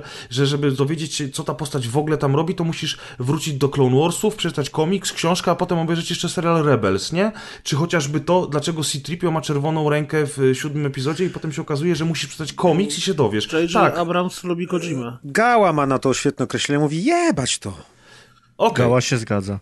zgadzamy się w takim razie i jebiemy to, ale Aczkolwiek przechodzimy Gała również się zgadza, że warto czytać książki z Gwiezdnych Wojen. ze starego kanonu. Być może. To Gała, ja powiem za Gałę, tak. W każdym razie. Proszę. y, Grzegorz dziękuję. mówi za gałę To generalnie. teraz wracając do tematu głównego rozgrywki, więc y, do giereczek, to to, co nas najbardziej ze Star Wars Weekend interesuje, to jest gra, którą ogłoszono, o której istnieniu widzieliśmy już od dłuższego czasu, a którą robi studio Respawn Entertainment, a mianowicie Jedi Fallen Order. Tak? Ta gra się nazywa? Upadły tak, tak rozkaz. tak nazywa. Jedi Fallen Order. E, pokazali tylko CGI, więc nie wiemy o grze tak naprawdę nic, chociaż słyszeliśmy, że, że będzie to gra liniowa single player nastawiona na opowiadanie fabuły. Um, To jest najmniej ważne. Czemu? Najważniejsze jest, znaczy to jest połowicznie ważne, ale najważniejsze jest to, co wytłuścili na Twitterze grubym fontem. A zaraz do tego przejdziemy. Pozwól tylko, że powiem chwilę o grze i zaraz pogadamy. E, gra się dzieje między trzecim a czwartym epizodem. Opowiada o rycerzu Jedi, który przeżył, czy tam nawet o uczniu rycerz Jedi, który przeżył rozkaz 66 wydany przez Imperatora. Bardzo ciekawe realia, bo tak naprawdę w tej chwili bardzo mało wiemy o tym, co się działo między trzecim a czwartym epizodem. Jeżeli będzie przygodową grą akcji single player w stylu Uncharted czy coś tam, to, to ja biorę. Bardzo mi się podoba e, to, co widziałem do tej pory, a nie widziałem jeszcze kurczę nic. No ale kto wie. No i teraz Maciek powiedz, co jest wytłuszczone na Twitterze i w ogóle na plakatach reklamujących grę. Wszędzie jest wytłuszczone, że tam pali, o co to będzie za najważniejsze, że nie będzie żadnych mikrotransakcji ani lootboxów i nie zostaną później dodane. I teraz bardzo ważna rzecz. Yy, Sterling się obsrał, zrobił e, wideo, w którym powiedział Ulubieniec. Preza. Bardzo ważna rzecz. Teraz o Sekiro coś ważna rzecz. Wiecie w jakim kontekście? Wiecie w jakim kontekście? Bo Sterling powiedział, jakim prawem wyśmiecie EA reklamować się tym, że nie będzie lootboxów. I teraz ja sobie pomyślałem tak, skoro wszyscy narzekaliśmy na lootboxy w Battlefroncie drugim, e, które były jawnie spatolone, skoro e, mówimy o tym, że mikrotransakcje są B i F i teraz dwie gry się tym reklamują, słuchajcie. Jedną z nich jest wspomniana przez nas dzisiaj Anno 1800, a drugą jest Jedi Fallen Order. I co zrobił internet w tym momencie? Zaczął jęczeć. Zaczęli jęczeć, że jakim prawem wy się reklamujecie takimi rzeczami. Nie macie prawa. A ja sobie myślę i pytam was teraz i słuchaczy zupełnie poważnie. Ja nie mówię, że ja mam rację, ale czy to nie jest coś, z czego powinniśmy się jako gracze cieszyć? Że oni jednak słuchają ludzi i mówią, słuchajcie, oni oczywiście, że nie wyjdą, nie powiedzą nam w twarz, macie rację, daliśmy dupy. Oni tego nie zrobią, bo wtedy internet ich ukrzyżuje. Natomiast mówią, gra single player, zero mikrotransakcji, zero lootboxów. I ludzie zamiast powiedzieć, fajnie, dzięki EA, dobra, zobaczymy, czy gra będzie spoko, czy nie, to ludzie zwieszają na nich psy. No w ten sposób to, to jest koło zamknięte. Gała Ja- ma teorię, pozwolisz Piotrze, że Gała Teoria się gały, tak zwana. E, że to nie jest tak, że to oni zrozumieli swój błąd i że dlatego nie ma tych lootboxów, tylko Respawn ma swoją metodykę wydawania gier i tak jak przy Apexie bali się powiedzieć o EA, tak teraz jak już wiadomo, że to jest gra od EA, to już z góry chcą zaznaczyć, że ok, to jest gra od EA, ale jest robiona według naszych standardów. Znaczy, Respawn się nie bał mówić o jej, bo wszyscy wiedzieli o tym, że Respawn jest częścią EA. W sensie Respawn się bał powiedzieć, że to jest, mówić, że to jest, wiesz, tak, to jest Battle Royale. playka Battle Royale, nie? Dokładnie tak, Gała przeprasza, Grzegorzu masz rację. I masz rację, że możliwe, że ktoś w Respawn powiedział, słuchajcie, nie robimy tego, natomiast to nie, to jakby nie Respawn zadecydował o tym, tak mi się wydaje, e, tylko marketingowcy. I marketingowcy powiedzieli, słuchajcie, była długa, dwuletnia dyskusja o tym, jakie to wszystko jest napchane lootboxami, mikrotransakcjami. Powiemy teraz ludziom na dzień dobry, nie ma tych rzeczy. Gdyby e, czy w poprzednim godowłorze, tym co teraz w zeszłym roku wyszedł, były mikrotransakcje? Nie było, prawda? Ja nie wiem, nie Ja, grałem. szczerze mówiąc, Ale czy gry pamiętam. Sony w ogóle miały mikrotransakcje? Teraz No, nie będzie. Uncharted, Uncharted miał do multi jakieś The Last of Us miało do multi kupowało, też żeby- mikrotransakcje. No do multi, Natomiast no. wydaje mi się, że God of War mikrotransakcji nie miał. I teraz ma gdyby God of? War zareklamowano tym, że nie będzie miał mikrotransakcji, to ludzie by powiedzieli, je, wow, zobaczcie, wszyscy, znaczy wszyscy robią, a oni nie robią, zobaczcie, król. Oni oczywiście No o tym ale- nie mówili. Natomiast jeżeli EA mówi, słuchajcie, no dobra, to jest gra single player, no, no dobra, nie będzie mikrotransakcji, no dajmy sobie spokój. No ale to jest Bo- oczywiste, dlatego że to mówi EA, bo EA jest znane z tego, że kiedyś już się wypowiadało, że ono nie widzi kasy w y, single playerach, że oni chcą robić multi, że oni chcą robić live serwisy i że w każdej grze teraz będzie system mikrotransakcji taki jak jest w FIFA albo coś tam, że chcą do tego doprowadzać, że były te rozmowy z y, teamem od Emi Hemming, którzy też pytali, no i co zrobicie z waszą grą Star Warsową, żeby zarobić tyle co FIFA i tak dalej, i tak dalej. i tak dalej. No, to jest widzisz, sytuacja, ale to, to jest to- sytuacja, ale mi skończyć, to jest sytuacja, Jasne. gdzie chodzisz do knajpy, gdzie y, od kilku lat, gdzie za każdym razem kelner ci pluje do jedzenia i ty do niej chodzisz, chodzisz, chodzisz, dajesz mu szansę, aż w końcu przyjdzie pewnego dnia, a oni z dumą wychodzą i mówią, wie pan co? Dzisiaj nie naplujemy panu do jedzenia, czyż nie jesteśmy Ale Maciej, wspaniali? ale tu jest I ten dlatego problem, ludzie się obrażają, bo ja też nie widzę uważasz- innej opcji, y, że, że oni to zrobili. Ja się cieszę, dla mnie jest to przede wszystkim y, y, ocieplanie wizerunku. To, co zrobili z Apexem, może jej zagryzło zęby, stwierdziło, spróbujmy tak zrobić, jeśli y, Respawn tak chce, spróbujmy to zrobić, bo rzeczywiście będzie chryja. Teraz tak samo tutaj, I jeśli oni w ten sposób a tak moim zdaniem próbują ocieplać swój wizerunek, to ja się tylko cieszę, bo niech oni tak robią przez najbliższe 10 lat. No i niech ja ten się wizerunek ocieplają. cieszę Oni go sobie w końcu ocieplą w ten sposób, jeśli cieszyć. będą robić bez tego. No, no ludzie się będą cieszyć, ale to jest pierwszy raz, kiedy ktoś ci mówi, wiesz, nie nasram dzisiaj panu do jedzenia, okay, ale właśnie z tym wspaniałe. sraniem do zupy, nie? Bo, bo wybacz, ale to, że ty tak myślisz, to, że ja tak myślę, powiedzmy, po części, to, że Sterling jest przekonany, że mu srają do zupy cały czas, to jest jedno, ale powiedziałeś bardzo ważną rzecz. Jej chciało, parę lat temu mówiło o tym, że będzie chciało dążyć do zarabiania na Games as Service na mikropłatnościach. Wprowadzili to jako e, Games as Service chociażby do FIFA, do Simsów, e, e, do Battlefronta, etc. I co? I zarabiają na tym kupę pieniędzy. I dalej tak. będą to robić. Wiesz o co chodzi. No właśnie, Tylko, to że jest rzeczywiście- ocieplenie wizerunku, to nie jest nagła zmiana w całej firmie, tak, że ale to nie jest jesteśmy do zupy, źli, więc dlaczego, a wiesz dlaczego to nie jest stranie do zupy? Bo ci ludzie nie przychodzą do nich y, zmuszeni z pistoletem i dostają zupę, do której ktoś im Znaczy sra tak, na ich naj, oczach, najwięcej, najwięcej osób jest te, co przechodzą obok, mówią, w tej knajpie srają im do zupy, oni to jedzą, nie debile, najwięcej osób płaci za to, właśnie o to chodzi, tak samo jak była awantura z tym, z Ale chodzi o to, że ci narzekający, ci to narzekają, to nawet nie wchodzą do tej knajpy, tylko śmieją Tak, tak, się, tak, tak. Krzyczą głośno o tych w środku, którzy... bo to jest jak a ci w środku siedzą i są zadowoleni. mnie, wokalna że- jest grupa w internecie, No. która nie ma z danym tematem nic wspólnego, ale Otóż lubi to. sobie pokrzyczeć. I oczywiście nie ja się zawsze zgadzam z Maćkiem, że na przykład pamiętam, że w Dead Space 3 jak się pojawiły mikrotransakcje za kupno Co to za e, czasy były? Jak to było surowców do temu? kupowania, ale to był szok, nie? No tak, że pojawiły tak. się mikrotransakcje Singlowa za surowce, żeby budować broń i ludzie, którzy grali w gry mówią, w naszym wieku ci ludzie, którzy byli doświadczeni mówią, co? I faktycznie przyszedłem grać Ale dwukrotnie. stary, życie, życie się zmienia. Jak się pojawiła zbroja do konia, to było hehe, co za głupia Bethesda zbroję do konia, a Dlatego teraz kupujesz sobie skórkę nie do długi za nazywajmy tego- 40 zł, nie? Nie nazywajmy tego, że ktoś ci pluje do zupy, to jest na, na takiej zasadzie, że przychodzisz i mówisz, poproszę zupę, nie? A jak będziesz bardzo chciał, to już trzymajmy się tego kontekstu, tego, tej wydaje- przenośni. Czy może pan mi napluć do zupy i się nagle okazuje, że wtedy się- 90% k- y, ludzi w tej knajpie prosi kelnera, żeby im pluł do zupy, a tylko my siedzimy zniesmaczeni w A rogu. czy, to, a czy to nie jest tak, że e, ta informacja i takie podkreślenie poszło z tego względu, że poprzednią grą Star Wars, jaka się pojawiła, to był Battlefront II, przy którym była gigantyczna afera związana z No, no tak, no oczywiście, Że to tak, nie jest dlatego tak, że tak to jak nie jest tak, że oni mówi. piszą tylko i wyłącznie o tym, bo, bo po prostu wcześniej było gówno, więc teraz od razu mówimy.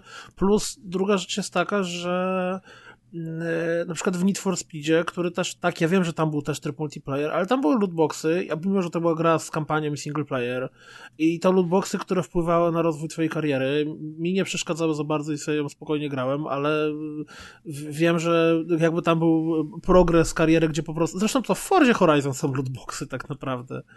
No Więc oczywiście, lootboxy no. w grach single player też się pojawiają i to, że, że, że to jest y, single player story mode, to wcale o niczym nie świadczy. Nie, nie, bo Piotrek, my powiedzieliśmy tobie- z Maćkiem, że właśnie to, co powiedział Maciek, zamierzchłe czasy Dead Space 3, kiedy okazało się nagle, że można płacić za, za surowce w grze single Mhm. player, kiedy potem przed Assassin's Creed i Far Cry'e, które też powiedziały, słuchajcie, możecie płacić za surowce w grze single player. Poza tym to było dziwne, nie? lootboxów też jest masa. Od lootboxów, które na przykład otwierasz y, kasą y, tylko z y, gry, tak jak jest w Division. W Division są lootboxy, ale nie możesz zapłacić za nie pieniędzmi. Pieniędzmi możesz kupić konkretną rzecz, czyli zrobić sobie takie mikrotransakcje za ko- konkretną koszulkę, a lootbox losowy masz tylko za walutę, którą dropisz w grze, więc i, i tak dalej, i tak dalej. Od lootboxów kosmetycznych po lootboxy właśnie takie jak było w Battlefroncie, że płacisz kasę i płacisz im milion dolarów i dostajesz najlepsze karty i masz super postać. Więc to są też różne stopniowania tych lootboxów. One nie są wszystkie tak samo złe, tak samo, tak samo dobre. Więc to, to też jest no, taki temat, że ciężko tu opowiadać. Tak. Natomiast słuchajcie, ja tylko chciałem, bo nie będziemy teraz już się w to zagłębiać, y, dlatego że Gała już zasnął y, i generalnie faktycznie Gała trzeba nigdy do nie przodu. śpi. albo, albo tak, słucha z uwagą. Natomiast y, chciałem tylko powiedzieć jedną rzecz, że bo znowu ktoś zaraz powie, że jestem rzecznikiem Electronic Arts, więc chciałem to bardzo mocno teraz podkreślić. Zupełnie nie chodzi mi o to, bo to by mogła być inna firma. Chodzi mi o coś innego. Chodzi mi o to, że Maciek zauważył bardzo słusznie. To jest próba ocieplenia wizerunku. Więc dajmy szansę w takiej sytuacji. EA robi wszystko naprzeciw przekór sobie. Single playerowa, liniowa, bez mikrotransakcji, bez i tak lootboxów. No ale zobaczcie, że oni tak przez ostatni rok starają się. A Co najmniej. też to było, nie? Jakieś fu... Oczywiście potem przychodzi Anthem i okazuje się, że generalnie hmm. BioWare No to właściwie Anthem te to- śmieszki, że powinien się ich zamknąć, to ich faktycznie powinno się zamknąć, a to nie są żadne śmieszki, że to no zaraz nie wejdzie zamknie BioWare. Tak, powinno wejść i zamknąć BioWare, zanim będą próbowały Zanim robić ci ludzie grę. się załamią do końca. No i właśnie to jest ten problem, że dziwisz się teraz, że, ej, że o Apexie nikt nic nie mówił, jak wychodzą z tym Jedi Fallen Order, mówią, ej, single player sza- uszanujmy to, nie będzie mikrotransakcji i wtedy Sterling robi swoje wideo, no. I wszyscy ludzie w necie wybuchają. No i przepraszam was bardzo, ale to naprawdę jest dziwne dla mnie. Cieszmy się z fajnych rzeczy. Nawet jeżeli zdajemy sobie sprawę z tego, że one mimo wszystko są podszyte marketingiem, bo przecież EA oczywiście, złe, że są. respawn dobry. Wszystko jest podszyte marketingiem w sumie. To jest biznes, to jest kurwa biznes, nic więcej. No okej. Dobrze, Gała by prosił, żeby teraz Maciek Eee. pokazał shorty. Proszę bardzo. Ale ja chciałem was zapytać jeszcze o Jedi Fallen Order. Ale jest Star rozpiska. Jedi Fallen. No i jeszcze jesteśmy w tym temacie. Co to za gała? Ty jesteś dziś pierwszy raz na odcinku, ty się tu nie rządź. Nie do mnie A tak, to jeszcze nie do mnie. nie dowiedziałeś się wszystkiego o Jedi Nie, ja chciałem się zapytać was, tak, a najbardziej to właściwie chciałem poznać Gał opinii, jak jemu jako człowiekowi, który poznał Star Warsy w przeciągu ostatnich 12 miesięcy, pierwszy raz w życiu, jak się widzi singleplayerowa gra, gra y, w świecie, gdzie będzie sobie biegał psa prawie Jediem i chlastał sobie mieczykiem świetnym i tak dalej. Gała odpowie tutaj cytatem słynnego TD. Ma wyjebane. Okej, a pozostali panowie? No ja mówiłem, że mi się. Że, znaczy inaczej, że to jest CGI. Podobać się ja nie wiem, co czy mi się ma widziałeś. podobać na razie. Jest spoko, ja się cieszę przede wszystkim, że to jest ten okres między trzecim a czwartym epizodem i że tam może być coś pokazanego fajnego, co jeszcze nie było ni dotąd nie powiedziane, pokazane, nie? Z tego względu, że Lukas przez cały czas mówił. Y, nie, nie cofamy się za czwarty epizod. To jest tylko i wyłącznie moje, tylko ja będę to opowiadał. Potem zrobił prequele, e, i pozwolił na jakieś książki wokół preque- prequeli, zrobił te Clone Warsy, czy tam pozwolił na nie, one się działy między drugim a trzecim epizodem, natomiast między trzecim a czwartym epizodem nadal była totalna pustka. Minimalnie wypełnił ją Rogue One, ale tego jeszcze jest nadal za mało, więc z tego względu bardzo czekam na tę grę. Ja mam pytanie do ciebie jako doznawcy. Ale to może być pytanie pułapka, bo może się okazać, że to są jakieś fiobździu nowe. To jest kroki. jama Skarlaka, pres nie odpowiadaj.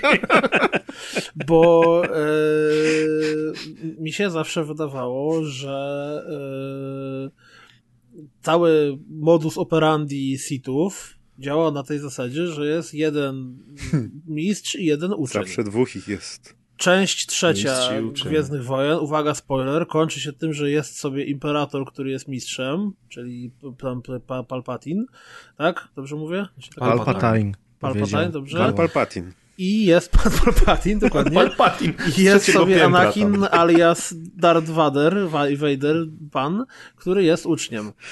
To czemu w tym zwiastunie się pojawia jakaś laska e, Sith? Bo jak ma, ma po pierwsze śmieszny hełm, po drugie ma kurde czerwony miecz świetny, więc musi być Sithem. Znaczy, jeżeli pytasz się mnie, jeżeli pytasz się mnie o spójność i realia świata, to zarówno y, przed y, nowym kanonem, jak i w nowym kanonie mogę ci odpowiedzieć tylko jedno, i w jeden sposób. Gwiezdne wojny. Czyż tam jest tyle Okej, bzdur, rozumiem. które się nie trzyma kupy. Rozumiem. To jest raz, a dlaczego był Grievous? Grievous był robotem, który nie był Sithem, ale walczył jak, y, wiesz, walczył jak rycerze, bo się uczył y, tego, jak, jak rycerze walczyli. Przez on nawet nie był robotem, bo kiedyś był żywą istotą, bla, bla, bla. Wiesz, dlaczego jest Mara Jade, mój drogi? Przecież skoro cały czas jest Vader i Imperator, to oj tam zasada Rozumiem. dwóch, to Okej. tylko fajnie na, wiesz, na papierze wygląda, nie? Okej, to już wszystko koło. No dobrze, no to ja już moja ciekawość jest zaspokojona. To teraz przejdźmy do ciekawości na temat shortów Maćka. No, shorty Maćka... y, są dos- 40-letnie. 40-letnie shorty Maćka są dosyć obce. Yy, Wow, ładne, pojawiają ładne, się, dobre. po, po, wystawia, wystawia mnie na widok publiczny raz na tydzień w każdy piątek. Dotychczas pokazałem trzy shorty. Yy, Pierwszy nazywał się yy, Containment, czyli, o, może pan Prez będzie tłumaczyć. Containment, czyli O nie, Containment, czyli o nie. Mam Potem był Specimen, języka. czyli tak właśnie to. I na końcu było Night. Shift, czyli Containment, specimen, Ta- czyli no, okaz, a właśnie to. containment to. jest takie, że byli tam, wiesz, zamknięci. Kontener tylko, taki. Rzeczywnik. jak rzeczownik. na śmieci. Rzeczownik od kontenera. kwarantanna. Kwarantanna, ale kwarantowany I chyba. Night Shift, czyli nocny shift, to jest ten obok Alta albo obok Windowsowego przycisku. Po ciemku jest, Nie, to jest pod- pod lockiem. Nieważne, czy jest prawy, czy lewy, jak jest po ciemku, to jest night shift. Okej, wszystko zgadza. Ale fajne te shorty są? Oglądać to, nie oglądać? Jak to tam? Te shorty są... Nie, mi się najbardziej podobał pierwszy, Containment. To generalnie chodzi o to, że Fox na 40-lecie premiery pierwszego filmu Alien, czyli Obcy, mm, wypuścili, postanowili puścić serię takich właśnie shorcików parunastominutowych. Y, Każdy robi tam jakiś inny reżyser, bla, bla, bla. No w każdym razie są takie shorciki. Są całkiem fajne, bo muszę przyznać, że są podobnie kręcone do Aliena, czyli jakby ktoś nie wiedział, co chodzi, spojrzał na to, to by tak pomyślał, że no to ma taki alienowy feeling, bo jest to stara technologia, to takie re retro future, plus taka gra światłocieniem i tak dalej, więc to jest całkiem fajnie odwzorowane. Y, Jest to, mm, akcja tych filmików jest powiązana z Alienem, bo się okazuje, że to są jacyś robotnicy z tamtej planety, Elvi 4, coś tam, coś tam, tak jak z Aliena, albo coś i są małe alieny i jest śmierć flaki w każdym odcinku praktycznie. No i jest to takie, nic jakieś super specjalnego, nie poszerza to jakoś bardzo lore. Znaczy, w fajny sposób działa to to, że to są tak oderwane od siebie sytuacje, bo to zawsze są jakieś inne bohaterowie, inne miejsce, jedno jest w bazie, jedno jest na statku, jedno coś tam, że mm, jakby uzupełniając to wszystko, co wiemy o obcych, y, te szorciki sprawiają wrażenie, że mamy wrażenie, że ten problem z y, ksenomorfami nie był tylko ograniczony do trzech filmów, tylko występował też jakby w innych miejscach, że inni ludzie mieli z nimi problemy czy Globalny coś. temat, Taki tak. globalny, tak. I nagle się okazuje, że to nie tylko replay i to, co znamy z filmów, ale że na przykład tutaj jest jakaś ekipa, która leciała, a tu są jacyś robotnicy i coś. I nagle są takie jakby małe zalążki, tak jakbyście oglądali y, zwiastuny albo takie długie, długie zwiastuny, właśnie poszerzone Extended Edition y, filmów z obcym, które powiedzmy nigdy nie powstały, a były w planach czy coś, więc, więc to jest fajne i warto obejrzeć, nie jest to raczej strata czasu. Już podczas premiery tego odcinka rozgrywki powinien się ukazać czwarty i potem jeszcze dwa odcineczki. I na YouTubie do obejrzenia. Z, z Afrikansa, rozumiem. Z Afrikansa, tylko mi tam przelejcie potem za ten Dobra. odpowiednią kwotę. Obej, y, obejrzę z przyjemnością. Chciałem wam powiedzieć tylko y, a propos tego tutaj, że chciałem sprawdzić słowo containment i po weekendzie z wami mój translator był ustawiony nie na angielsko-polski, tylko na niemiecko-polski. Was? Tak. Nein, nein, Nein, nein. nein! Dokładnie, tak było, tak było. To jak jesteśmy przy wielkich markach y, i dużych pieniądzach i y, małych shortach, to się gra o tron zaczęła. y, w sensie 17-centymetrowe shorty. Ós... Ty, ósmy sezon Tron, ostatni się zaczął. Pierwszy z sześciu odcinków za nami. Ja mam nadzieję, że mi się uda namówić chłopaków, przynajmniej Atka i Maćka, tfu, Atka i Preza. e, Ja mam trochę do nadrabiania. No właśnie, to musiałby się 8 sezonów łyknąć, ale, ale mam nadzieję, że Adek i Prez e, obejrzą i może zrobimy sobie, tak jak w przypadku siódmego sezonu, jakąś pogadankę po którymś z odcinków na temat, albo jak się całość zakończy, Jak albo że nie na przykład po trzech odcinkach, czy coś, jakieś przewidywania na temat tego, co się tam będzie pod koniec działo. Ja nie wiem jak, jak Adek, jest- ale Gała ma w planach obejrzeć. Okej. Y, Jedynie co na co czeka Gała, to jako, że to jest 6 odcinków, a darmowy miesiąc jest tylko 30-dniowy, to Gała czeka aż 30 dni obejmie wszystkie odcinki. Sprytna gała. Znaczy sprytny gała 17. Dobre. Generalnie Dobre? rzecz biorąc, to jest bardzo ciekawe zagadnienie, dlatego że e, ja czekam na finał sagi Lodu i Ognia, odkąd ją poznałem w 2011 roku, czyli minęło już 8 lat. E, więc nie jestem hipsterem e, tego Martina, bo ja poznałem dopiero książki, jak zobaczyłem pierwszy sezon. I tak mi się spodobało, sięgnąłem po książki, przeczytałem wszystkie bardzo szybko i od tej pory czekam. Czekam 8 lat. E, I W ponieważ końcu. Jak wszyscy wiedzą, że już dawno temu serial prześcignął książki, tak naprawdę już chyba od dwóch, jak nie od trzech sezonów, e, serial pokazuje wydarzenia, których Martin nigdy nie napisał, ale dąży do finału, który jest e, kontraktem e, opisany jako zgodny z życzeniem Martina, ponieważ Martin zdradził zakończenie całej sagi twórcom serialu Game, Game of Thrones na wypadek, gdyby zmarł. I on, on im pozwolił kręcić w ogóle ten serial pod warunkiem, że zrobią takie zakończenie, jakie on sobie wymarzył. Czyli on od dawna wie, jak to wszystko się kończy, tylko jeszcze tego nie napisał Bidulek. Tylko rozciąga to wszystko. I troszeczkę niech spada na drzewo, bo dostał tej kasy. Jemu się I- tak, kurde Martin, jemu się nie chce to pisać, że czeka aż umrze i oni będą to musieli napisać. Tylko Dokładnie, powie, co więc mają ja zrobić. podejrzewam, że, ja podejrzewam, że jak ten serial się skończy, to, to być może te książki nigdy nie powstaną, albo powstaną pisane przez copywriterów, bądź też przez kontynuatorów tego wszystkiego. I to jest, powiem wam, że to jest dla mnie nowość. Dlatego, że zazwyczaj um, jakieś, jakieś adaptacje tworzy się, kiedy już dzieło jest skończone, albo kiedy ono jest zaplanowane i tak dalej. Tutaj nagle Martin, y, którego tak przyjacielsko nazywam jebanym grubasem, odkąd przestał pisać te książki, to Jesteś oczywiście gruby, możesz obrażać grubasów, to tak Nie, działa. nie, wiesz, wiesz o co mi chodzi. On jest jest, tak on jak jest, z... Jesteś jebany, Nieważne z kim. On jest po prostu dla mnie, on, on złamał mi serduszko, stąd też taka, taka moja wypowiedź na jego temat, bo ja, fenomenalnie mi się te książki czytało. Ja byłem zachwycony tą historią i ostatnia książka, która została wydana, z, która wyszła spod pióra pana Martina, e, ona ona się kończy mega cliffhangerem i żebym ja zobaczył, co się dzieje później, musiałem czekać wiele lat. I pokazał to dopiero serial. Ja jestem bardzo zawiedziony, bo serial poszedł swoją drogą na maksa odszedł od książek. Jestem bardzo zawiedziony, że Martin nigdy nie dał mi chociażby końca tego cliffhangera, nie mówiąc już o zakończeniu tej sagi. I teraz ja z przyjemnością obejrzę ten sezon i z przyjemnością zrobię z wami nawet specjal o tym, o Grze o Tron w ogóle i pogadamy sobie ze spoilerami o całej sadze, z wielką chęcią. Natomiast jest mi przykro z tego powodu, że nawet jeżeli on wyda te książki kiedyś, to ja już po nie dalej nie sięgnę. Ja dwie rzeczy chciałem dodać do tematu. Po pierwsze, grze, bo ty oglądałeś, Grzegorz? Ja widziałem wszystko, do, ale tego odcinka jeszcze nie widziałem. A, nie widziałeś jeszcze tego odcinka. Okej, no to nie mogę ci zadać pytania i zadać ci pytania, ale chciałem powiedzieć zarówno tobie, jak i Gale, jak i wszystkim naszym słuchaczom, którzy oglądają serial na bieżąco, że jest sobie taki blog, yy, który się nazywa Kulturą w płot, kultura w plot.pl i tam, ja nie, nie mam pojęcia kto to, kto to pisze, ale mi on raz na jakiś czas wyskakuje na Facebooku i zazwyczaj te posty są, te posty czy wrzuty są całkiem spoko, więc to jest chyba całkiem spoko blog, ale mówię o tym w kwestii Groton, dlatego, że po każdym odcinku, tak było już w siódmym sezonie i ja w siódmym sezonie na to trafiłem i teraz w ósmym sezonie jest powtórka. Z Atkiem to E, omawialiście. Tak, z Zatkiem to omawialiśmy, Gała nie, nie przerywaj. Gała, E, więc przypominam o tym. E, autor zawsze po, e, znaczy autor bloga, po odcinku wrzuca wpis, który się nazywa tam e, rzeczy, które mogły wam umknąć w pierwszym odcinku ósmego sezonu. I faktycznie wskazuje tam rzeczy, których ja w większości, przez to, że ja nie jestem e, takim człowiekiem, który ogląda ten odcinek, bo już widziałem na YouTube osoby, które oglądały po pięć razy, żeby wyłapać każdą naj... ta, a tam wtedy on mrugnął w znaku Morsa, kurde, jestem chujem, nie?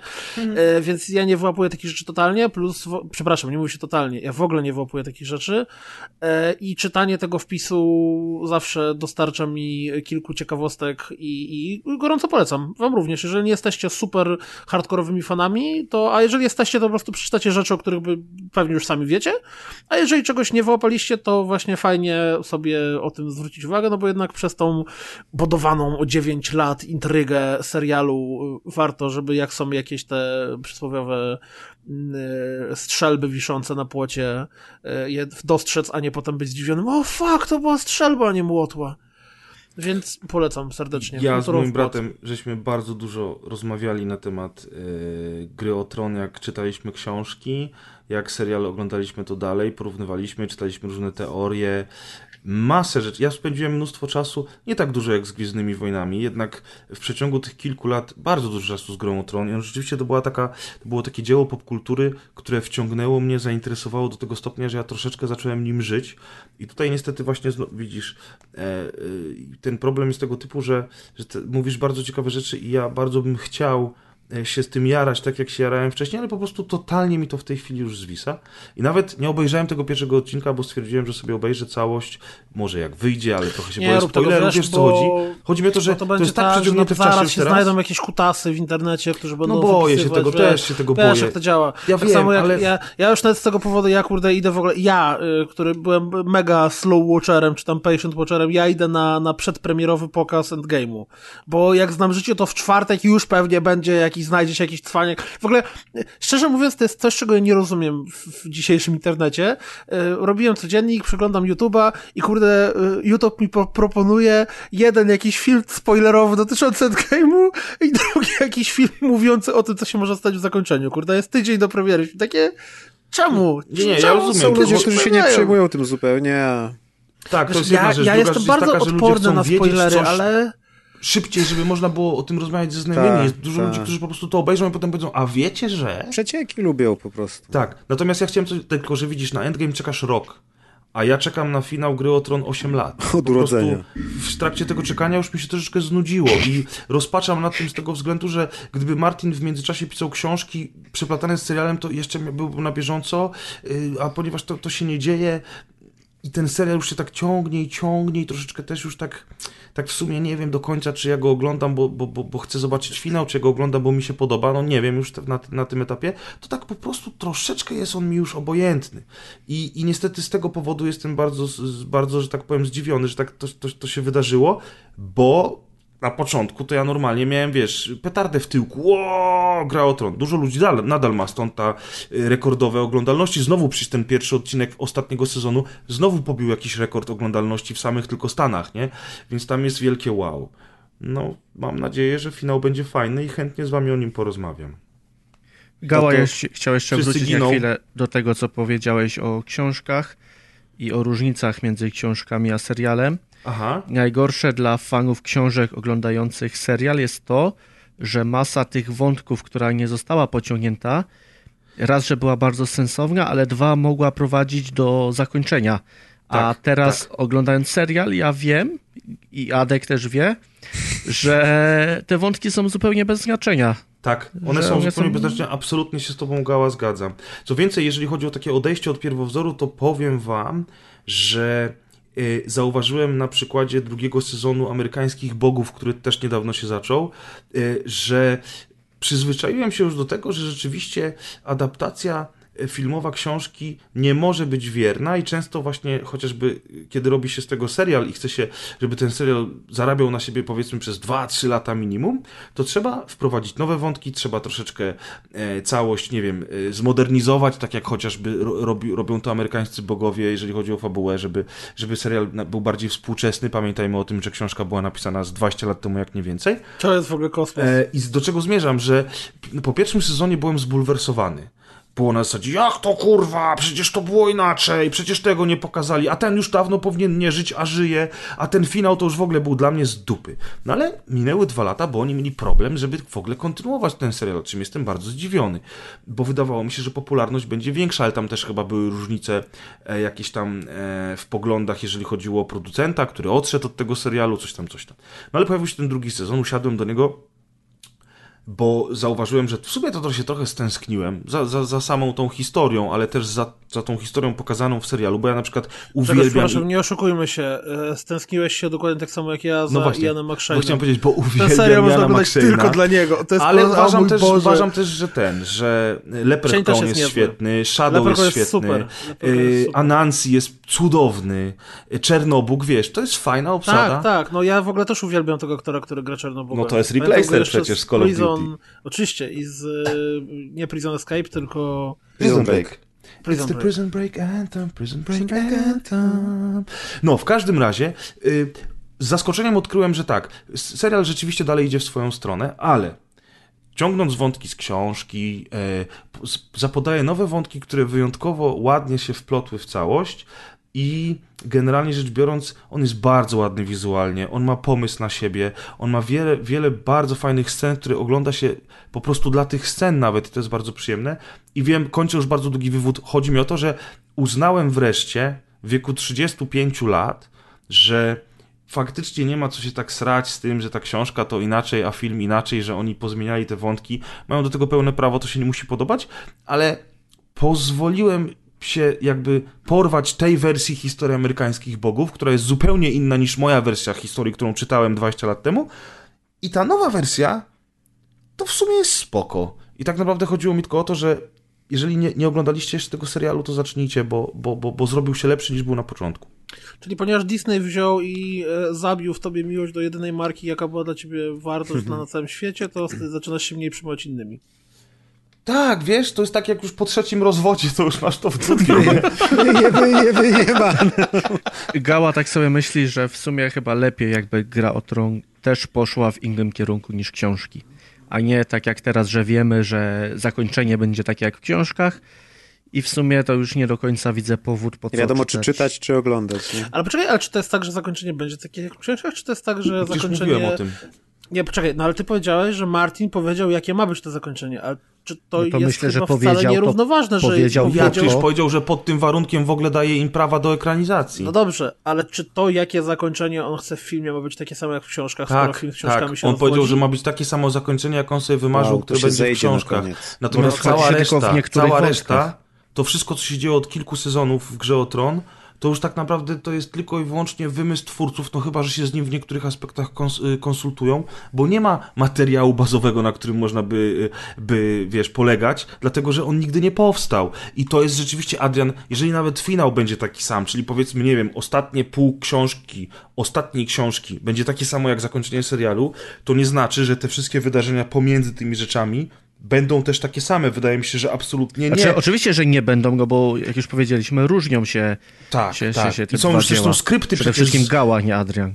Dokładnie, przepraszam, przepraszam. E, Przede wszystkim skrypty z Winds of Winter już się pojawiają od wielu lat, są różne sceny, różne dialogi, chociażby, dobra, nie, to jest spoiler, to nie będę mówił, bo jeszcze może ktoś nie oglądał wszystkich odcinków serialu, bla, bla.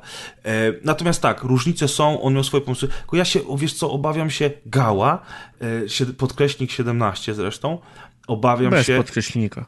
bez podkreśnika, po prostu Gała Nie, nie 17. róbmy dziwactw. Okej, o co mi chodzi? Ja podejrzewam, że te książki po prostu już nigdy nie powstaną, no. Po prostu.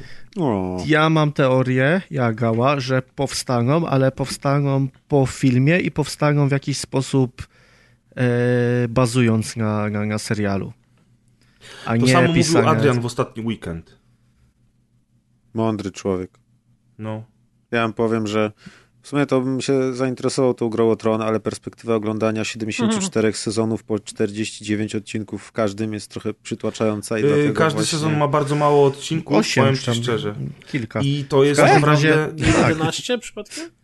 Dobra, Kilka. 8-11 to nie 20. Nie, nie ale- Maciej, one są, to są krótkie sezony i powiem ci szczerze, że jeżeli chodzi o poziom wykonania, to to jest naprawdę wyższa półka i warto sprawdzać, ale lepiej, wiesz co, zacznij od książek, haha. A, na pewno. Zacząłem już, a właśnie a Tak. po, po propos... 10 odcinków mają. A, a, no to nie najgorzej, ale a propos właśnie seriali i mojej niezdolności ich oglądania przez te długie sezony, to jednak zaczą- z ciekawości ruszyłem ostatnio tą miłość, śmierć i roboty i obejrzałem trzy No. odcinki i bardzo mi się podobają właśnie krótkie, 15-minutowe historie, które mogę sobie odpalić, szybko obejrzeć i już jest wszystko ok.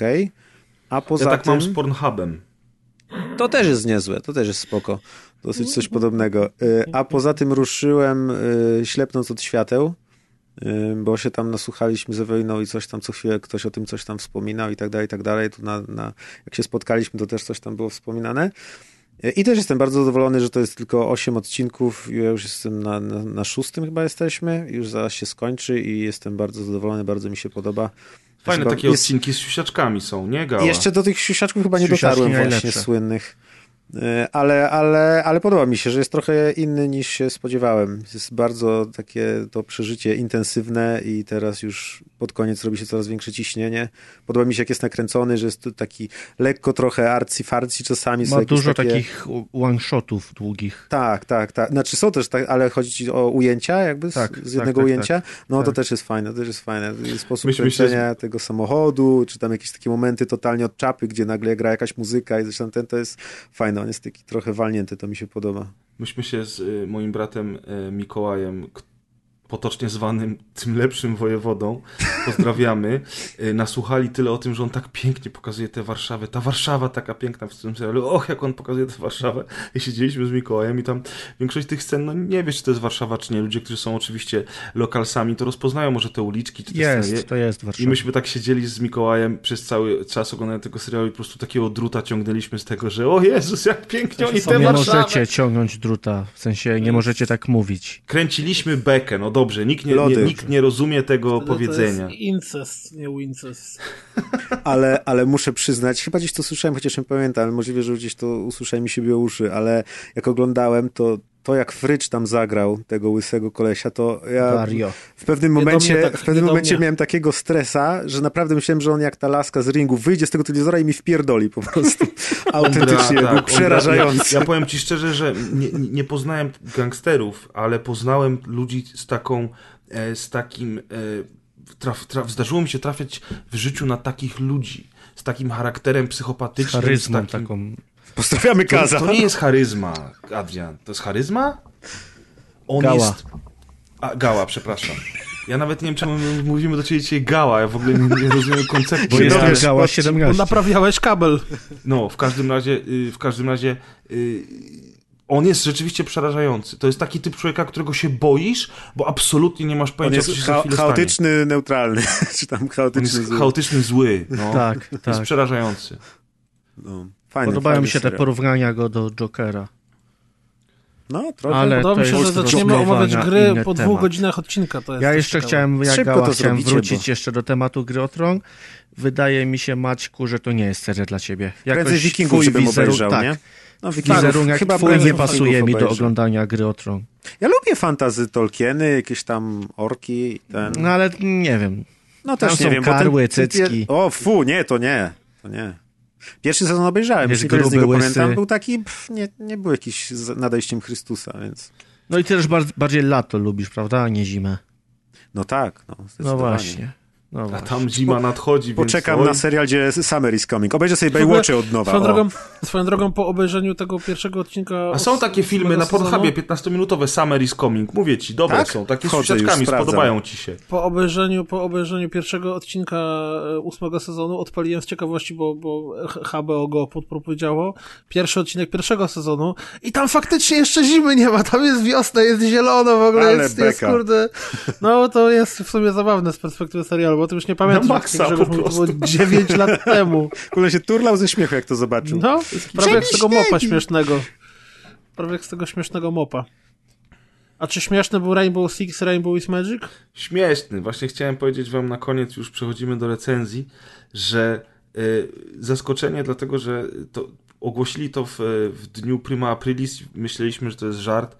Ja myślałem, że to jest żart. Piotrek wiedział, że to nie jest żart. E, I generalnie rzecz biorąc, najpierw miał się pojawić na 8 dni, w końcu się skończyło na, na 16 dniach y, zabawy. I to jest jedna mapa przerobiona. mm, Samolot prezydencki y, jest postawiony w pokoju dziecka. Pokój z kolei jest tym pokojem z rezydencji, czyli z innej mapy w Rainbow Sixie. Wszystko jest w różowych, plastikowych kolorach. Grasz zabawkami, takimi plastikowymi żołnierzykami. Wsz- Wszystkie pastelowe kolory. Normalna jest misja, tylko że zamiast zakładnika jest pan Misio i musisz uratować pana Misia. Słychać w ogóle, słychać w ogóle z pokoju, tam z korytarza, z tego domu, że na przykład mama woła dzieci, dzieci, obiad gotowy, albo telefon dzwoni, ktoś tam mówi, odbierzcie do mamy ze strzelbami, czy... Słucham?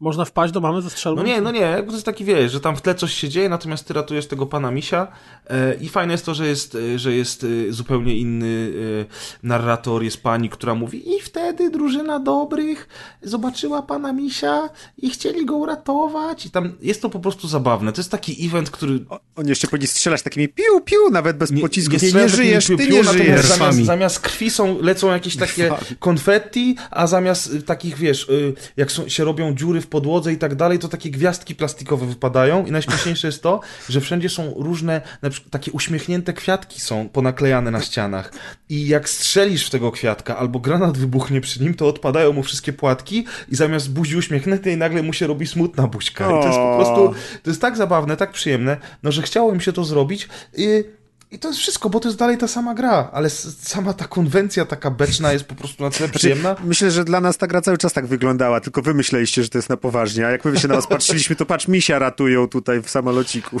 Natomiast bardzo mi się podobało, że w trakcie rozgrywek y, żartem, który pojawiał się non-stop było ej, wydaje mi się, że to się dzieje w pokoju dzieci z rezydencji, z gry, nie? I cały czas mówiliśmy, wydaje mi się, że to lotnisko jest w pokoju dzieci. No jak to? No zobacz, przecież to jest dywan. No i to było, wtedy to było śmieszne, teraz jak o tym mówię, to totalnie nie jest śmieszne. Przepraszam Nawet te was. 144 Hz tego nie ratują. Przepraszam was, tak. Ale sam event był po prostu zabawny, a, a mnie wciągnął z powrotem do grania. Zresztą tutaj najlepiej zobrazowałaby to scena z trzeciego Ojca Chrzestnego, kiedy Al Pacino mówi Just when I thought I was out, they pulled me back in. No i te eventy chyba po to są, że ja też rzeczywiście zagrałem w ten event z ciekawości i znowu już gram trzy razy w tygodniu w Rainbow Sixa, bo do tej gry po prostu wracam jak bumerang. No, i ona jest coraz Ubi lepsza. 1, press 0. I się jeszcze z tego cieszę, wiesz. Tak. Jak ten pan Misio. Fajno, ci. Kuldan, y, totalnie nie mam przejściówki dla ciebie teraz. To po O, prostu... wiem, czy w tym pokoju dziecka była katana? W pociągu dziecka była katana, nie wiem czy była katana, ale katana jest w tytule Katana Zero, które Czyli nie ma katany. nagrywamy- Katana równa się 0. To ci programista pa, pa, Pała, przepraszam, Gała wytłumaczy. Jak, e, jak słuchacie tych słów w, premie, w dniu premiery odcinka, to wczoraj była premiera gry, e, czyli Wczoraj. 18 Wow, kwietnia. to przywiozłeś do mnie z przeszłości. Tak, Brałeś z tam. przyszłości ją Przesz- przywiozłem. Co więcej, nie dość, że grałem, to jeszcze skończyłem grę Katana Zero i jest absolutnie wyborna. Katana Zero, pierwsze skojarzenia, jakie natychmiast się pojawią po przejściu jednego czy dwóch etapów, to będzie Hotline Miami w 2D. Bowiem, po pierwsze, gra jest e, w pixelarcie, tylko w takim ładnym pixelarcie, takim pixelarcie z, z późnego SNESa, bym powiedział. Możecie sobie odpalić YouTube, teraz wszyscy jakieś tam zwiastuny i patrzcie, jak to wygląda. E, Po drugie, w grze giniemy natychmiast od jednego strzału i każdy z naszych przeciwników ginie od jednego strzału. Po trzecie, y, gra polega na ciągłym y, uczeniu się i powtarzaniu y, raz za razem tego samego etapu, dopóki nie uda nam się go przejść. Czyli, nie wiem, wpadamy do pomieszczenia, giniemy, wpadamy do pomieszczenia, zabijemy pierwszego typa, który nas zabił, giniemy od drugiego typa, wpadamy do pomieszczenia, zabijemy pierwszego typa, zabijamy drugiego typa, zaskakuje nas trzeci typ. Oczywiście, jak nabierzemy trochę doświadczenia w poruszaniu się naszą postacią, to wtedy już jest mniej tego e, tego takiego uczenia się metodą prób i błędów, dosłownie, że tu jest jeden przeciwnik, tam jest drugi przeciwnik, tylko już zaczynamy po prostu łapać mechaniki, bo, bo mechanika jest super prosta. Jesteśmy w stanie biegać, jesteśmy w stanie e, uderzać kataną, Uderzenie kataną również doskonale odbija lecące w naszą stronę pociski z broni palnej. Co więcej, odbije je tak skutecznie, że natychmiast zabija e, odbiciem e, gościa, który do nas strzelał. Czyli jeżeli z drugiego końca pomieszczenia strzela do nas pan, to jeżeli w odpowiednim momencie chlaśniemy kataną w jego nabój, to ten nabój się odbije i go zabije. E, Ponieważ e, gra jest bardzo szybka, to odbijanie pocisków byłoby dosyć trudne, więc mamy też chwilowe zwolnienie czasu niczym w Max Payne. Jest to zwolnienie czasu takie super powolne, więc musimy się nauczyć go używać w ten sposób, żeby, bo przez to, że mamy tam ograniczoną, e, ograniczoną moc tego zwolnienia, to musimy się nauczyć go używać w ten sposób, żeby mm, e, e, odpalić je wtedy, żeby ten nabój już do nas leciał, albo było tuż przed tym, jak goś wystrzeli. Bo w momencie, w którym tylko zobaczymy tego przeciwnika z karabinem i my sobie klikniemy zwolnienie czasu, to zanim on podniesie tą broń, zanim on strzeli w naszą stronę, to to zwolnienie czasu już się skończy. Yy, I kolejna mechanika, która tam jest, to to, że możemy podnosić przedmioty i nimi rzucać jakieś tam noże, statuetki, nie wiem, kurde, gaśnice, w późniejszej części też granaty. Eee, kolejna rzecz, która jest podobna do Hotline Miami, to to, że gra przy grze towarzyszy nam bardzo charakterystyczna elektroniczna muzyka i to, co mnie zrobiło bardzo mocno, to to, że każdy etap zaczyna się od tego, że nasz y, samuraj szlafrokowy, bo nawet jest to kilka razy w grze zwrócono uwagę, że mm, czemu on chodzi w szlafroku, bo jest to tania wersja y, tego kitan, jak się nazywa Jezus Maria? Robe samurajski? Kimono. Kimono. Kimono, A, kimono. tak. Tak, kimono, dokładnie. Mm, e, To zawsze w- wchodzi do etapu, wyjmuje Walkmana, zakłada słuchawki, klika play, w tym momencie w rogu ekranu pojawia się e, nazwa kawałka, który właśnie odpala i zaczynamy zabijać. Powiem, naszym głównym celem jest to, że nikt nie może przeżyć e, w stanie, w której się pojawiamy. Natomiast to, co tą grę mocno odróżnia od Hotline Miami, to to, że tutaj fabuła nie jest pretekstowa. To znaczy, ta, to jest faktycznie bardzo konkretna historia, która zaskakująco mocno wciąga i intryguje. Przez kilka Przepraszam, ale fajnych... Hotline Miami też miało konkretną fabułę. No miała takie meta, jak przejdziesz, to coś tam trochę... Tak, ale właśnie Hotline Miami miała To jest takie bardziej meta, oczywista taka, mm, tak? To jest taka Tutaj. historia jak z książki czy jak z filmu, która od początku A, do dla końca się... głupich. No właśnie. Tak. Od początku do końca się, się dzieje, ma sens i, i wszystko rozumiesz na końcu, nie ma problemu, a nie tam, wiesz, dorabianie ideologii. Nie, że potem musisz do czytać esej, o czym to było. ogóle. dokładnie.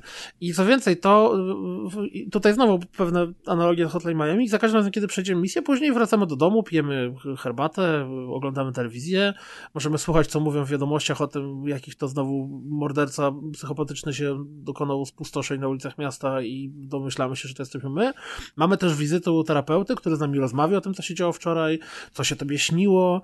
To wszystko jest jeszcze umoczone w takim sosie, mm, co jest mocno powiązane z, z całą sobie narracją, e, że czasami na ekranie pojawiają się zakłócenia, takie jak wiecie, takie glicze. E, I na początku nie ma zielonego pojęcia o co chodzi, natomiast później to wszystko ładnie się splata. I o tyle na początku po prostu mi się spodobał gameplay, bo bieganie tym typem i, i mordowanie ludzi w, szybki i e, dynamiczny sposób jest satysfakcjonujące, to potem ta historia mnie na tyle mocno zaciekawiła, że bardzo byłem ciekawy, dokąd to wszystko zmierza.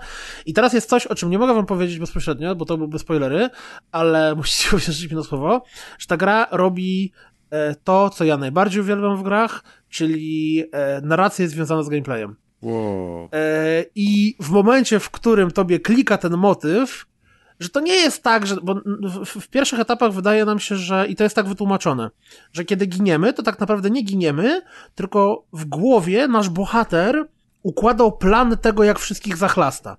I w momencie, w którym uda nam się wszystkich zachlastać, to mamy replay. Odpala się normalnie filmik, y, który Tak pokazuje. jak na kasecie wideo trochę Tak jak na powiedzmy. kasecie wideo, co więcej, jeszcze możesz właśnie to przyspieszać, cofać, pauzować i to jest o tyle fajne, że na replayu nie widać tych wszystkich momentów, kiedy zwalniamy czas. Więc w momencie, w którym wpadamy do pomieszczenia, gdzie jest czterech gości i my tylko i wyłącznie dzięki temu, że mamy super skilla zwolnienia czasu, jesteśmy tu, odbijamy nabój, tu potem przeskakujemy na tym, tego chlastamy po plecach, tu robimy wślizg, tego walimy ten, tu znowu odbijamy nabój i w tamtego jeszcze rzucamy nożem, to nie wiem, w przeciągu sekwencji growej trwa na przykład minutę, to potem na tym replayu to trwa 5 sekund. Jak oglądasz to, ja pierdolę, ale jestem zajebisty, co ja tu właśnie, co ja tu właśnie zrobiłem? To jest dokładnie to, czego mi brakowało w Roninie, y, w takiej polskiej grze, tylko tam była walka turowa, więc, więc nie było tego, tego motywu e, e, walki dynamicznej. E, i to jest na początku. Natomiast tak mniej więcej w połowie gry nagle zostaje to bardziej wytłumaczone narracyjnie i gameplayowo i naprawdę było takie down, ale ktoś to wymyślił, ale to było dobre i, i, i później na przykład walki z bossami, które się pojawiają, które są bardzo mocną metodą walki prób i błędów, ale przez to, że znowu, nawiązanie do Hotline Miami, giniemy i dosłownie za pół sekundy już znowu gramy, to w ogóle to nie przeszkadza. Bo nie wiem, jeżeli ja tam z jedną z walką z bossem zginąłem 20 czy 30 razy, ale te moje śmierci e, natychmiast mnie wracały, ginąłem i od razu, od razu dalej, od razu dalej, dobra, to czułem, że teraz tu muszę tak przeskoczyć, tu gościa chlasnę i jeb, znowu, a znowu nie żyję, tym razem inny atak. Do tego ataku jak się tu nauczyć? To to w ogóle, w ogóle nie przeszkadza. Natomiast to, o czym trzeba powiedzieć, to jest trudna gra. Nie ma żadnego easy mode, nie ma żadnego tam assist, nic w tym stylu, to jest po prostu trudna gra i były dwa czy trzy takie momenty, gdzie zastanawiałem się mm, dosłownie y, pod nosem, rzuciłem takie, kurwa, naprawdę? Naprawdę będziesz mi robił taką przeszkadzajkę teraz? Y, Ale oczywiście przez to, że mamy metodę prób i błędów i przez to, że uczymy się tego, co się dzieje z każdą kolejną śmiercią, to jesteśmy w stanie sobie z tym poradzić, a wtedy już wiemy, znamy ten wspaniały motyw narracji gameplayowej, który, który tym bardziej dodaje tobie jeszcze mm, drugi poziom y, tego, co się dzieje na ekranie. E, Ja jestem w Katana Zero zakochany. Autentycznie dawno temu nie trafiłem na taką. Ja, ja, kiedy, kiedy zainteresowałem się tym tytułem, to myślałem, że to będzie taka, wiecie, Klasyczny indyczek, trochę popierdółka, w miarę ładny, ja tam lubię dynamiczne chlastanki, będzie spoko. A jak zacząłem grać, to z każdą kolejną godziną było tylko i wyłącznie coraz lepiej. I ta historia mi siadła, i cały ten klimat takiego, bo to jest ni to jakiś kurde cyberpunk, ni to y, lata 80., ni to kurde jakiś klimat powojenny, ta wojna tak jakby trochę nawiązywała do Wietnamu, też jest, jak są roboty, jakaś kurde trochę przyszłość, trochę nie przyszłość, jest trochę psychodeli. Naprawdę y, tam się, się, się dzieje dużo dobra. E, No i mi nie pozostaje nic innego, jak wszystkich serdecznie zachęcić i, i e, polecić. Gra wyszła na PC i na Switchu. Czy macie jakieś pytania? Czy oglądacie właśnie gameplay? Gała ma pytanie. Tak. Gała chciał zapytać, czy grałeś może w poprzednią grę tych samych twórców. Eee, gra się nazywa. Zamknęła mi się strona, więc teraz nie powiem. Pauz Pamiętam, że- coś tam. Jeszcze raz? Pauz coś tam. W gra, w której trzeba zapauzować grę i wtedy gra de facto dalej leci i przez to, że zapauzowałeś i pewne elementy się zapauzowały, to coś się zmieniło, a coś zostało takie jak było i tak się przechodzi całą grę i widzę, że oni w każdej swojej grze w ten Lubią sposób z czasem kombinują. jakieś, no. No, ja w ogóle nie jestem pewien, czy tej gry nie robił, tam pomijając muzykę i jakieś tam ASCII dodatkowe... Soft. Tak się Wiem, że nazywa. to jest ASCII Soft, natomiast jak, jak lecą kredyty po zakończeniu gry, masz y, game by i imię i nazwisko. Czy gra się ja nie nazywa Pause Ahead. Jest Pauza. webowa. Nie, to ja jej nie, nie, nie grałem, ale oni chyba coś jeszcze robili. E, Tylko Robili Tower pewien- of He Heaven. Ja nie jestem pewien, czy to nie jest tak, że ASCII Soft to jest jakaś bardziej zbiór, coś na zasadzie kurek. Eee, ale nie, nie, nie założę się, czy to jest jeden pan, który się nazywa ASCII Soft, czy to jest e, e, kilka osób. Nie wiem. Jeżeli jest webowe, to pewnie to była jakaś popierdółka i pewnie to może być faktycznie jeden pan. Na pewno muzyka robi kto inny, bo, bo jest, że tak powiem, z, z nazwy artysty wymieniony. Flashy Eee, Godness.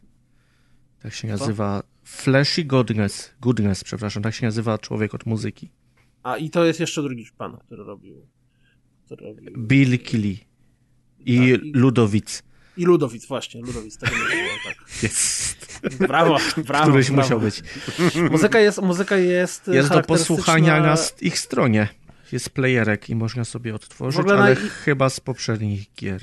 Jest strona Katana Zero, która jest zrobiona bardzo ładnie i stylowo, dlatego że mamy sobie e, taki telewizor, którego ja nigdy w życiu w Polsce na żywo nie widziałem, ale kojarzę go chociażby z Szybkich i Wściekłych, czyli telewizor z równoczesnym odtwarzaczem VHS-ów, bo jest ten motyw w grze, e, bo to mówię, to że to cholera wie, czy to jest przyszłość, czy to jest kurde lata 80. I właśnie są kasety pod tym telewizorem. A, Jest pilot, który można kliknąć. Wow. Zresztą dokładnie tak samo wygląda y, menu wyboru poziomów, że to są po prostu poszczególne kasety, co się nawiązuje trochę do tego, że potem sobie oglądamy replay z Można Eee. opcję załączyć na telewizorze. no, to dużo, to właśnie takie podejście też dużo mówi na temat y, I V-synka, i H-synka zmniejszyć a. G-Synca można włączyć? Nie. A faktycznie można. Można. Ale baje. Więc ja szczerze polecam e, Katana Zero. Próbuję teraz wyklikać w czasie, jak, jak zachwycacie się tym e, telewizorem. E, cenę. mm, Kurde, i zazwyczaj w e-shopie są ceny podane, nawet jak jeszcze nie ma premier. 15 dolców w e-shopie teraz kosztuje, czyli pewnie będzie to co tam, jakieś 40 zł.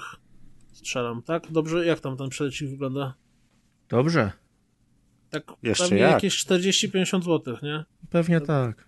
Jak zazwyczaj to, to te 15 dolarów się przekształca, to y, chyba, że to będzie 60 zł. Bo to A też może wspomniałeś, że to jest gra Devolvera?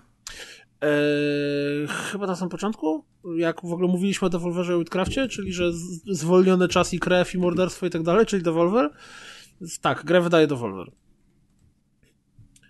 Eee, no i co ja wam jeszcze mogę powiedzieć? To jest super fajny tytuł. Aha! Eee, mm, po kredytach i po stanie po napisach, które się tam pojawia, jest e, to be continued. I faktycznie Czyli będzie Katana 1? ta historia Wow. jest, że tak powiem, w grze opowiedziana od początku do końca. Nie masz tak, że jesteś jak w Halo walcie się na ryj 5, gdzie po prostu masz w połowie gry napisy. Nie, tu jest ta historia, jest tam pewne wątki są zamknięte. Natomiast y, jest absolutnie jak najbardziej furteczka i tam pewne postacie, które spotykamy, które mogą y, być w kontynuacji. I ja bym nie miał nic przeciwko, jakby się kontynuacja albo jakieś, nie wiem, DLC albo cokolwiek innego do tej katany Zero pojawiło. Aha, jeszcze odnośnie tego, że to jest story driven trochę, to w wielu momentach prowadzimy rozmowy i rozmowy są robione w ten sposób, że nie ma voice actingu, są oczywiście literki Telegram, ale w momencie, w którym ktoś do nas coś mówi, to zanim pojawi się jego cała wypowiedź, możemy mu przerwać, bo już się pojawia to, co chcemy odpowiedzieć. Natomiast jeżeli wysłuchamy go do końca, to pojawia się kilka wyborów opcji dialogowej. Jest to mega śmieszne, bo w momencie, w którym mu przerywamy, to ta osoba inaczej reaguje w trakcie rozmowy z nami. Jeżeli tak na przykład komuś zaczynamy przerwać i tak dalej, to ta osoba się nas coraz bardziej wkurza i zaczyna być chamska i na przykład jak, nie wiem, jak gadamy z kimś, kto jest agresywny, to może się na nas rzucić i zacząć nas napierdzielać.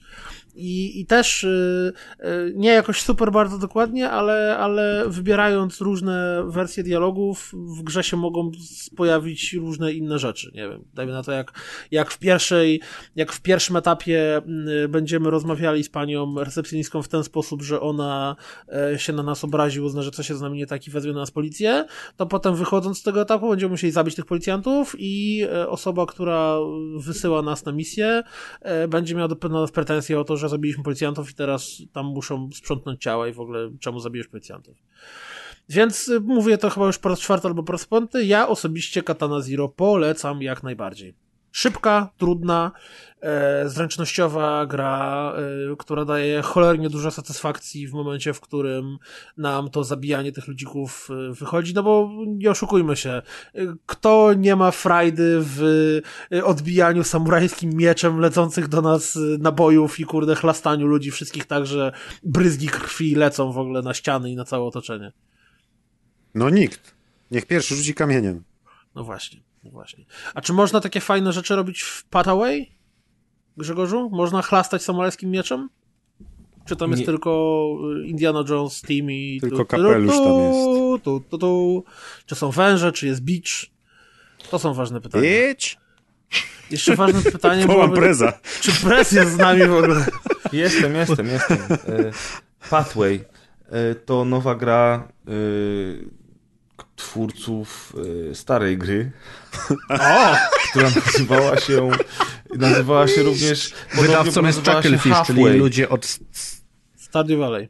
Tak. Tak, I od też. y, tej gry, której ja ostatnio mówiłem... y, Od tej w turowej- kosmoście 2D z boku. Nie, ja mówiłem Ale nie o też. kosmosie 2D, tylko Ale ja mówię, o... Jagała. Jak się nazywa Jagała, ty Jane. strategia? Starbound, ja mówię. Nie Starbound. Jagała. Grzegorz, ty o to pytałeś mnie ostatnio. Zostaw Grzegorza, niech sobie tam szuka co chce. Idź! Ja chciałem opowiadać o grze, natomiast... e, Wargroove. Wargroove! O! Co, co, co? Wargroove. Chucklefish jest też wydawcą Wargroove'a. Chucklefish, ale właśnie jakbyście na przykład kiedyś dali mi coś powiedzieć o grze, zamiast rzucać na wstępie milion haseł, to może byście się dowiedzieli, że wydawcą jest Chucklefish, natomiast producentem jest Robotality. I chodziło mi o Robotality, e, studio deweloperskie, które zrobiło wcześniej grę Halfway.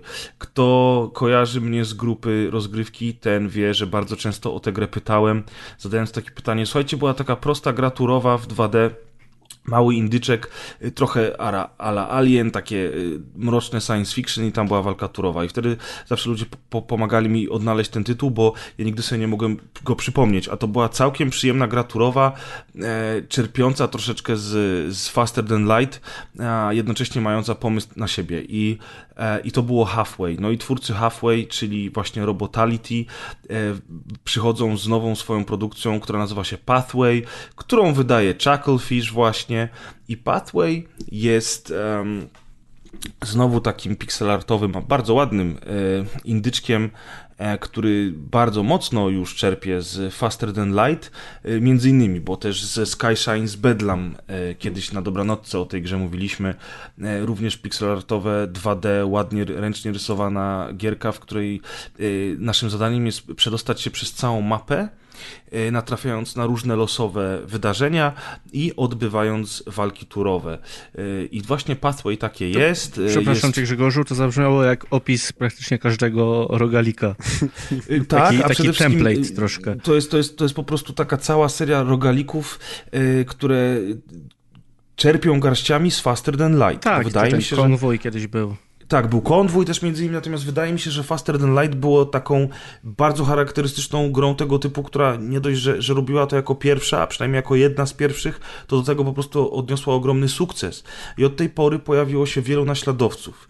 E, Pathway jest takim naśladowcą, i ma pomysł na siebie taki, że, że, że opowiada takie przygody z palpowych książek początku XX wieku, yy, o, na, o które opierał się również George Lucas, kiedy tworzył Indiana Jonesa, w związku z czym jakby skojarzenia z Indianą Jonesem są jak najbardziej na miejscu. Okładka już przy, przypomina Indiana Jonesa, muzyka przypomina Indiana Jonesa, wydarzenia dzieją się w, na Bliskim Wschodzie i w Afryce wśród ruin różnych wykopalisk, a jednym z dwóch yy, rodzajów przeciwników, z którymi e, zmierzymy się w grze są naziści, więc już totalnie, totalnie Dr. Jones, a nawet y, przy starcie każdej przygody i na koniec każdej przygody narrator to brzmi po prostu jak, jak, jak taki troszkę starszy Indiana Jones, więc y, mega klimat. Bardzo fajna muzyka. E, I przygoda y, podzielona na. A przepraszam, narrator, czyli tam jest normalnie voice acting? Bo jak ja widziałem jakiś gameplay, to właśnie mi się wydawało, że są tylko telegrafy. Nie, no dlatego powiedziałem, narrator na początku i na końcu każdej Aha, przygody okej. jest. I on się odzywa tylko no, dosłownie parę zdań zapowiada jakby tą przygodę. Przygód jest łącznie pięć. One dzieją się w różnych krajach. E, wszystkie na Bliskim Wschodzie i w Afryce. E, I na przykład właśnie e, pierwszą przygodą jest uratować naszego przyjaciela, badacza, który wysłał nam list tylko taki informujący, że popadł w, w tarapaty. No i naszym, e, naszym zadaniem jest e, podróżowanie po mapie, która składa się z wielu punkcików, tak samo jak w Faster Than Light, czy, czy, czy w Sky Shines Bedlam i podczas podróży przez te punkciki natrafiamy na różne wydarzenia losowe, podczas których podejmujemy em, decyzje, co robić, staczamy walki turowe i tak dalej. E, tych, tych, tych, tych generalnie historii, które napotykamy w trakcie gry jest bardzo dużo, bo twórcy się dzieją, że jest ich ponad 400 i rzeczywiście grając e, rzadko kiedy zdarzało mi się natrafiać e, drugi raz na to samo.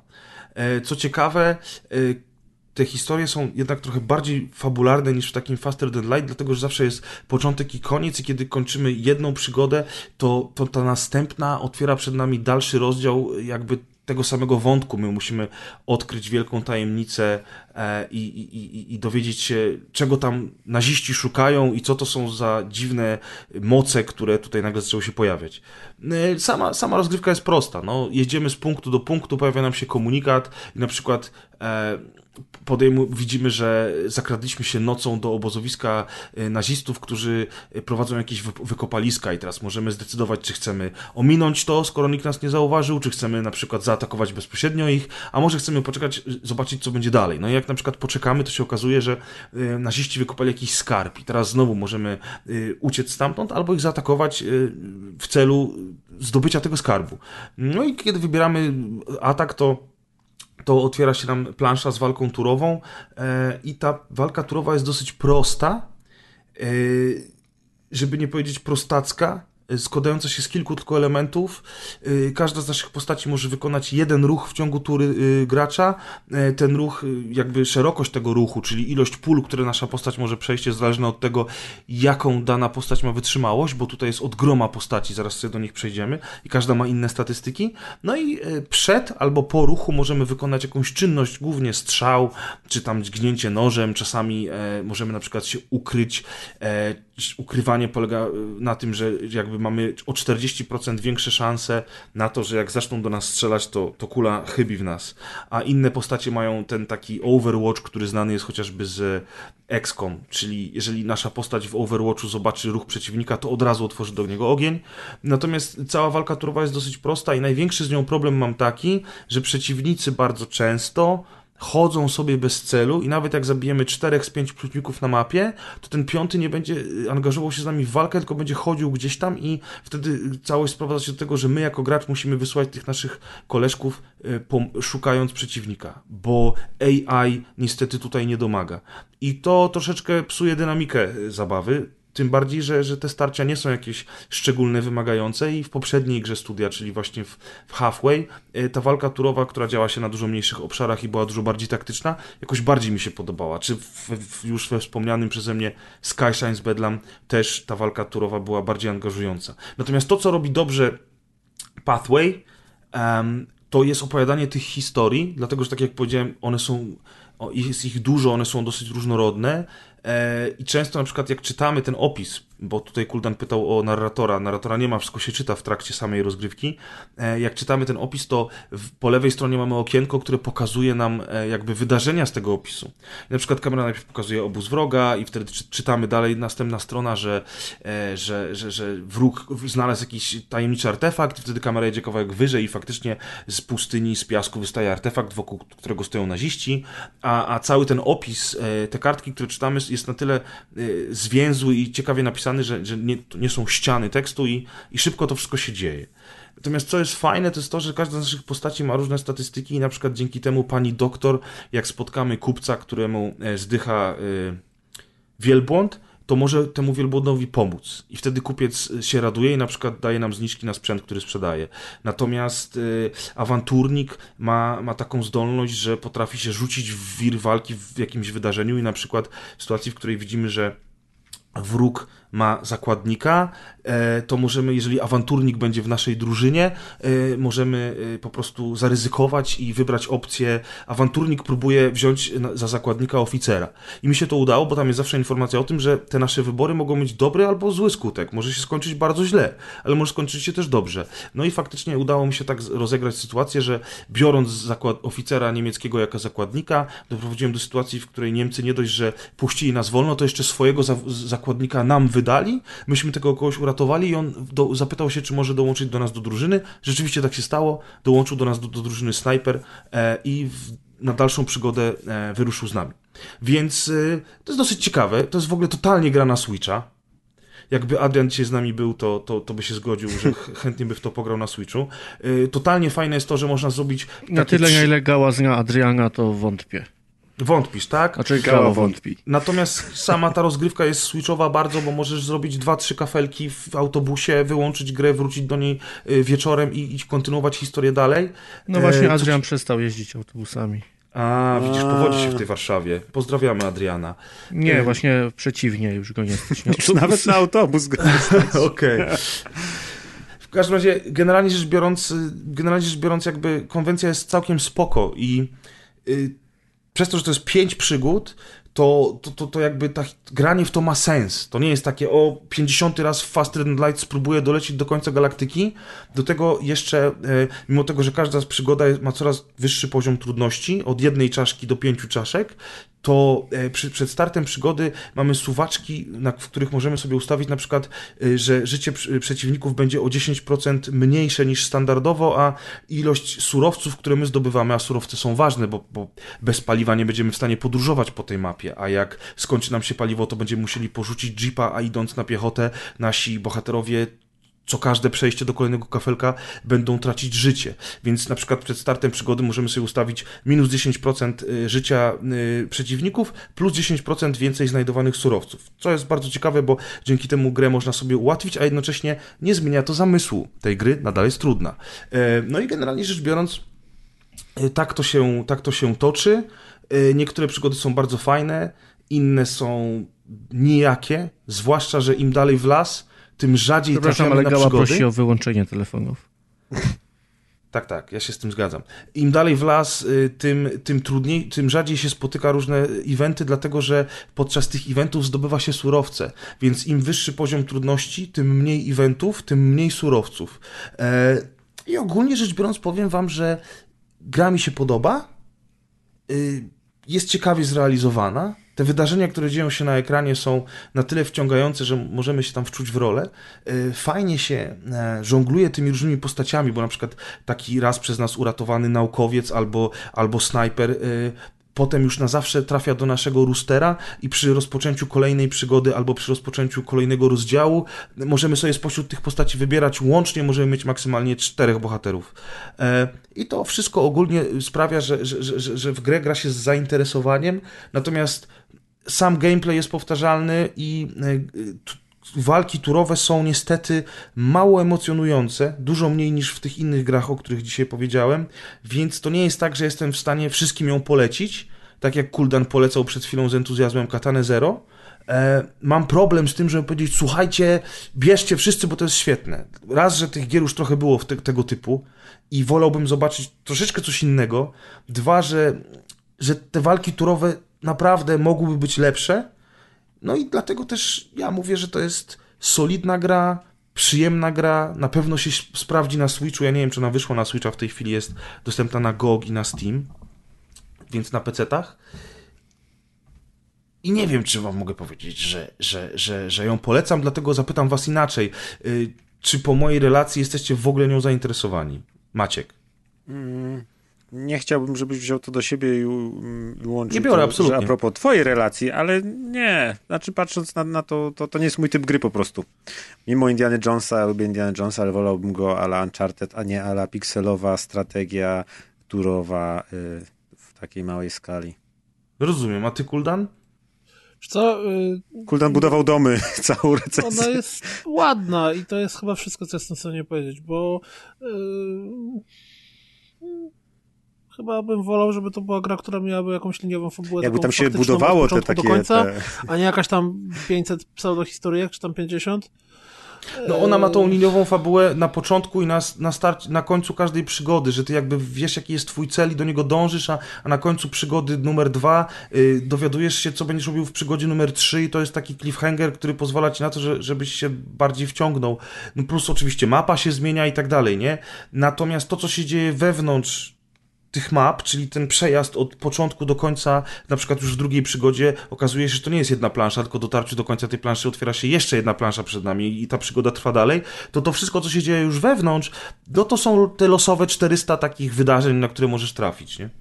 Czy to brzmi jak taka kolejna jedna gra z wielu, po prostu, no, przykro mi. No tak, a, się klimatem tylko chyba, nie? A ty, Adrian, powiedziałeś, że- tfu, Gała powiedziałeś, że Adrian nie byłby zainteresowany, ale ty, Gała, po mojej opowieści Ty gała chuja wiesz. sięgnąłbyś po tę grę na przykład, gdyby było demo? E, niestety nie. Ja lubię w Faster Than Light to, że to była prosta gra. To znaczy jasna, była masa możliwości, ale wystarczyła chwila, żeby załapać, co się w niej robi i później się już kombinowało.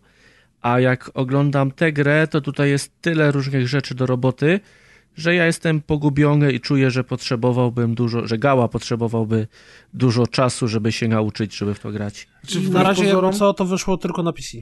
Wyszło tylko na PC. Wbrew pozorom y, wcale nie jest tak, że ta gra jest bardzo skomplikowana. Ona się właśnie opiera o, o kilka mechanizmów powtarzanych w nieskończoność. Wręcz powiem Ci, że wydaje mi się, że Faster Than Light było bardziej skomplikowane od tego. Natomiast rzeczywiście ja sam też mam taki, takie wrażenie, że grałem już w to. Że, Ale to znaczy, jest... że jeżeli mówisz, że to ono nie jest tak bardzo skomplikowane, jak się może wydawać, to znaczy, że się szybko robi nudne. Nie, ona się Jeżeli- nie robi nudna przez te postacie, które do Ciebie dochodzą. Ich Aha, możliwości, czyli- czyli- e, te postacie są clue w tej grze. One, A z tych są w miarę 50, ciekawe. z tych 50, ja dobrze wiem, że tam jest 50 tych storisków małych do zrobienia. 400 Tak? ponad. 400, okej. I to by się ile udało zrobić? No myślisz, że ja to liczyłem, chłopie? Jest ona pięć... nie mówi, że nie, bo... jesteś w Tak połowie. to, jest, tak to jest jak Kuldan gra w Anno, kiedy ja coś opowiadam. Nie gram w Anno, bo właśnie skończmy już ten podcast, bo chcesz grać w Anno, a nie tam, Jest kurde, pięć przygód głównych. Jest pięć przygód głównych, które mają początek i koniec i one są fabularnie wyjaśnione, co ty tam robisz. Natomiast w trakcie każdej z pięciu przygód na tych y, kafelkach, na które najeżdżasz, uruchamia ci się 400, ponad 400 napisanych tych małych wydarzeń, rozumiesz, które losowo się wyświetlają. No, także tak to wygląda. Ja sam powiem tak, to jest dobra gierka, to jest fajna gierka na pogranie od czasu do czasu, natomiast grałem już w kilka bardzo podobnych y, do tego tytułów i podejrzewam, że gdyby nie ten klimat Indiana Jonesa, muzyka, y, całkiem nieźle napisane te wydarzenia, to, to, to raczej bym w niego nie grał. A tak pograłem, jest ok, jeżeli lubicie takie klimaty, to zachęcam, jeżeli nie jesteście pewni, to y, poczekajcie na jakąś promocję. A ile to kosztuje był teraz? 57,99. Nie, to też nie ma tragedii. Tak, i to był Pathway, y, a teraz y, Kuldan powiedz mi, czy będziesz nam polecał od razu, czy dopiero w promocji grę We The Revolution.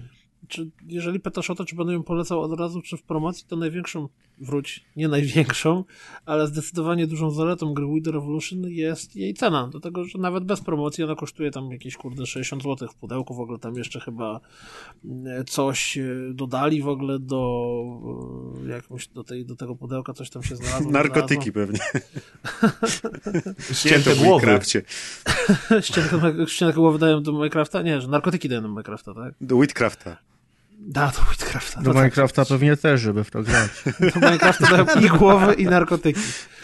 A więc We The Revolution, czyli nowa gra studia, które wcześniej stworzyło studia e, Polislash, które wcześniej zrobiło Pana Toruka, o którym kiedyś mogliście usłyszeć u nas, jeśli się nie mylę, chyba? Albo Mogliście, teraz opowiadał, jak się pracuje przy grach. W każdym razie mm, We The Revolution jest grą, która zabiera nas do czasów rewolucji francuskiej i szczerze mówiąc, grając w nią bardzo żałowałem, że moja wiedza historyczna z tego momentu historii świata jest właściwie dążąca do zera. Bo kończy się na tym, że wiem, że rewolucja francuska była i że szefem rewolucji francuskiej był Robespierre, którego chyba na końcu ścieli, ale nawet się nie Grałeś w założę, czy Assassin's tak Unity? No właśnie nie grałem. No, właśnie nie. Czyli Teraz to się łączy, możesz, czyli bo jest za możesz- darmo na PC. Właśnie. Czyli za darmo, czyli ściągamy Assassin's Creed Unity i y, dodajemy sobie We The Revolution i wtedy poznajemy I historię możemy świata. zdać klasówkę z histry. Eee, powiem tak. Po pierwsze, to co jak tylko odpalicie grę albo zobaczycie jakikolwiek zwiastun albo, albo cokolwiek wam się rzuci w oczy, to to, że Wither Revolution jest grą zrobioną w bardzo konkretnym stylu. Każda grafika, każda animacja, każdy obrazek, wszystko jest absolutnie nie do pomylenia z, z jakąś inną grą. Każda postać jest robiona jak, to jest kurde, trochę jakby te, te, te, te postacie były złożone z jakiegoś, nie wiem, kurde, papieru, a, a, a z drugiej strony z takich, to się na pewno ma jakąś spytną nazwę, jeśli chodzi o styl graficzny, że to są takie kwadraty jakby, e, je, jest Trochę to takie poligony, tak jakby postać były. Wszystko jest w trochę 2D, ale, poligony, z, ale narysowane tak. z trójkątnych poligonów. trochę w jak, nie wiem, w jakimś Interstate'cie, kurczę, no, w- no jest to bardzo charakterystyczny styl graficzny i w sumie to całkiem nawet nieźle się sprawdza, bo, bo po prostu wszystko, co oglądamy, nas, nam tutaj się, się pasuje do siebie. W grze wcielamy się w postać sędziego Trybunału, e, który e, musi, jak to jest w przypadku sędziego, oferować wyroki. No i mm, większość gry polega na tym, że najpierw y, czytamy akta sprawy, że tam, i one są fajnie napisane, jest to, jest to dłuższy tekst, z którego musimy wyłowić najistotniejsze rzeczy, czyli, że tam na przykład e, e, jakiś gentleman został przyłapany na tym, jak to wychodził z domu, e, a w tym domu okazało się, że doszło do gwałtu i że generalnie wszystkie rzeczy wskazują na to, że on po prostu tam się wbił i z zemsty zgwałcił jakąś dziewczynę, która jest córką jakiegoś możnowładcy, a on jest rewolucjonistą i właściwie jest bohaterem ludu i właściwie cholera wie tak naprawdę, co z tego wywnioskować. To przepraszam, od razu pytanko, ty mówisz, że to jest dłuższy tekst. Czy one są na tyle ciekawie napisane, że czytasz je z przyjemnością? Tak, To znaczy to nie jest tak, że to jest książka, ale czyta się je, czyta się z zainteresowaniem, bo przez to, że musisz wyłapywać z nich sens, tak naprawdę, musisz, musisz wiesz, ro- rozgryźć, co tam się zdarzyło faktycznie, Mhm. e, to czytasz je z uwagą, żeby przypadkiem nic tobie nie, nie uciekło, bo to jest Czyli tak, że to nie jest taka masz... gra, którą możesz rozegrać 10 minut w autobusie, bo musisz się przy niej bardzo mocno koncentrować, tak? Nie, nie, zdecydowanie to nie jest gra na 10 minut w autobusie. To nie, to nie jest Phoenix Wright. To, to, plus ona na razie wyszła tylko na PC. Znaczy wiem, że będzie też na konsolę i pewnie też na Switcha, bo teraz wszystko musi na Switcha, ale średnio bym to widział w, w autobusie, bo to jest tak, że czytasz te akta sprawy, w, akcie, w aktach spraw są, e, jest kilka punktów e, wyboldowanych, że się tak wyrażę, no i później na podstawie tych wyboldowanych punktów musisz przypasować je do konkretnych kategorii, dzięki czemu odblokowujesz sobie możliwość zadania pytań świadkom, czyli czy tam oskarżonym. Czyli na przykład masz, nie wiem, masz informację o tym, że jakiś gość często bywał u kogoś w celach matrymonialnych, to potem masz zaznaczone, nie wiem, cele matrymonialne i, nie wiem, tam oskarżony albo powód, albo y, zbrodnia, albo ofiara. Nie? I musisz po prostu te rzeczy, które tam tobie z tego tekstu się pojawiły, dopasować do tak jakby e, odpowiedniego działu związanego z, z, z, z, z tą rozprawą. Natomiast y, cały myk polega na tym, że to nie jest gra, która polega na tym, żeby rozgryzać, kto jest winny, czy nie jest winny i zgodnie z tym podejmować wyrok. Tak naprawdę w grze przez większość czasu musimy lawirować pomiędzy konkretnymi grupami interesów, które w tym Paryżu okresie porewolucyjnego rządzą i są. Czyli są to właśnie rewolucjoniści, jest to tak zwany lud, jest to ława przysięgłych, która słucha w trakcie rozprawy tego, co się dzieje, i jest to nasza rodzina. I cały myk polega na tym, że zazwyczaj yy, interesy tych grup są rozbieżne. To znaczy, do ławy przysięgłych zaraz przejdę, ale Lud chce, żeby kogoś uniewinnić, bo to jest bohater rewolucji, to jest w ogóle człowiek, który, którego oni uwielbiają i tak dalej. I w ogóle w trakcie rozprawy jeszcze tam padają takie teksty z że tak, to jest prawdziwy, zostawcie go, znowu władza oprawca, wy się z wami policzymy, zawiśniecie w mieście i tak dalej. A z drugiej strony tam kontrrewolucjoniści mówią, że nie, tego człowieka trzeba w ogóle na gilotynę od razu. No i ty musisz, kurde, wybrać, jaki mu dasz wyrok w trakcie rozmowy przesłuchiwania świadków i przesłuchiwania oskarżonego i tak dalej, e, możesz wpływać na opinię ławy przysięgłych. Czyli można tak zadawać pytania, znaczy inaczej, nie tak zadawać pytanie, bo ty nie masz wyboru, jak zadasz pytanie, tylko masz wybór pytań. Więc możesz tak kierować przesłuchaniem, żeby gościa przedstawić w jak najgorszym świetle. Czyli z jednej strony wiesz, że, już tak trzymajmy się tego gwałtu, z jednej strony wiesz, że było tak, że facet, z akt wynika, że facet w, w, jakoś się wkradł do domu, zgwałcił dziewczynę, szesnastolatkę i jak próbował uciec, to yy, tak naprawdę został przyłapany, na tym, ale jak z nim rozmawiasz, to z rozmowy może wyniknąć, że to ona sama go zaprosiła, dlatego że wielokrotnie się tam w różnych barach umizgiwali tu i tam, a został zatrzymany, dlatego że jej guwernantka, którą wcześniej posuwał regularnie, była zazdrosna i tak naprawdę dziewczyna nie została brutalnie pobita przy gwałcie, tylko jak jej ojciec dowiedział się o tym, że ona się puściła za przeruszeniem z jakimś tam rewolucjonistą, to sam ją pobił i powiedział, że to tak naprawdę ten gwałciciel. I ty kurde wtedy siadasz i myślisz, co ja mam z tym zrobić? Jak ja mam zadawać te pytania? Co, co ja mam zrobić? Tak, skażę go, to lud mnie będzie nie lubił, a lud wczoraj wieczorem y, powiesił jakiegoś gościa na ulicy, bo im się nie spodobał. No dobra, i nie naprawdę go? te rozprawy są takie ciekawe za każdym razem? Ta, to jest, tam jest tyle Eee. wątków, że, że musisz kminić tak dużo? Musisz kminić bardzo dużo, bo tak cała gra polega, właściwie wszystko w tej grze rozkminia się tylko i wyłącznie o kminienie na tych rozprawach. To wszystko, co jest poza tym, to to są ozdobniki i dodatki. Moim zdaniem, bo oczywiście masz na przykład cały motyw tego, że cała, cała, cały Paryż jest takim kipiszem, gdzie są dziesiątki różnych postaci, z relacji między nimi, całe drzewko rewolucji i jak na przykład ja tam jakiegoś gościa, gościa skazałem, to ktoś do mnie przyszedł i powiedział, że no, wiesz co, kurde, ty jesteś odważny, bo jak Robespierre się o tym dowie, to ja nie wiem, czy zaraz ty nie zawiśniesz, czy raczej pod gilotyną wylądujesz. Mamy na przykład takie motywy, że nagle przychodzi do nas do, do sądu ktoś z rządu i mówi, że daje rozkaz do podpisu, że w razie zamieszek my wyrażamy zgodę na strzelanie do ludzi. No i teraz podpisać to, nie podpisać? Co się stanie, jak podpiszesz? Co się stanie, jak nie podpiszesz? Więc cała gra opiera się na takim non-stop, niczym, kurde, piskosz, lawirowaniu między różnymi grupami interesów, że teraz tym zrobię dobrze, teraz tamtym zrobię dobrze, bo jeszcze od samego początku mamy powiedziane, że jeżeli któraś grupa będzie z, z naszym zachowaniem za bardzo niezadowolona, to nas po prostu zabije.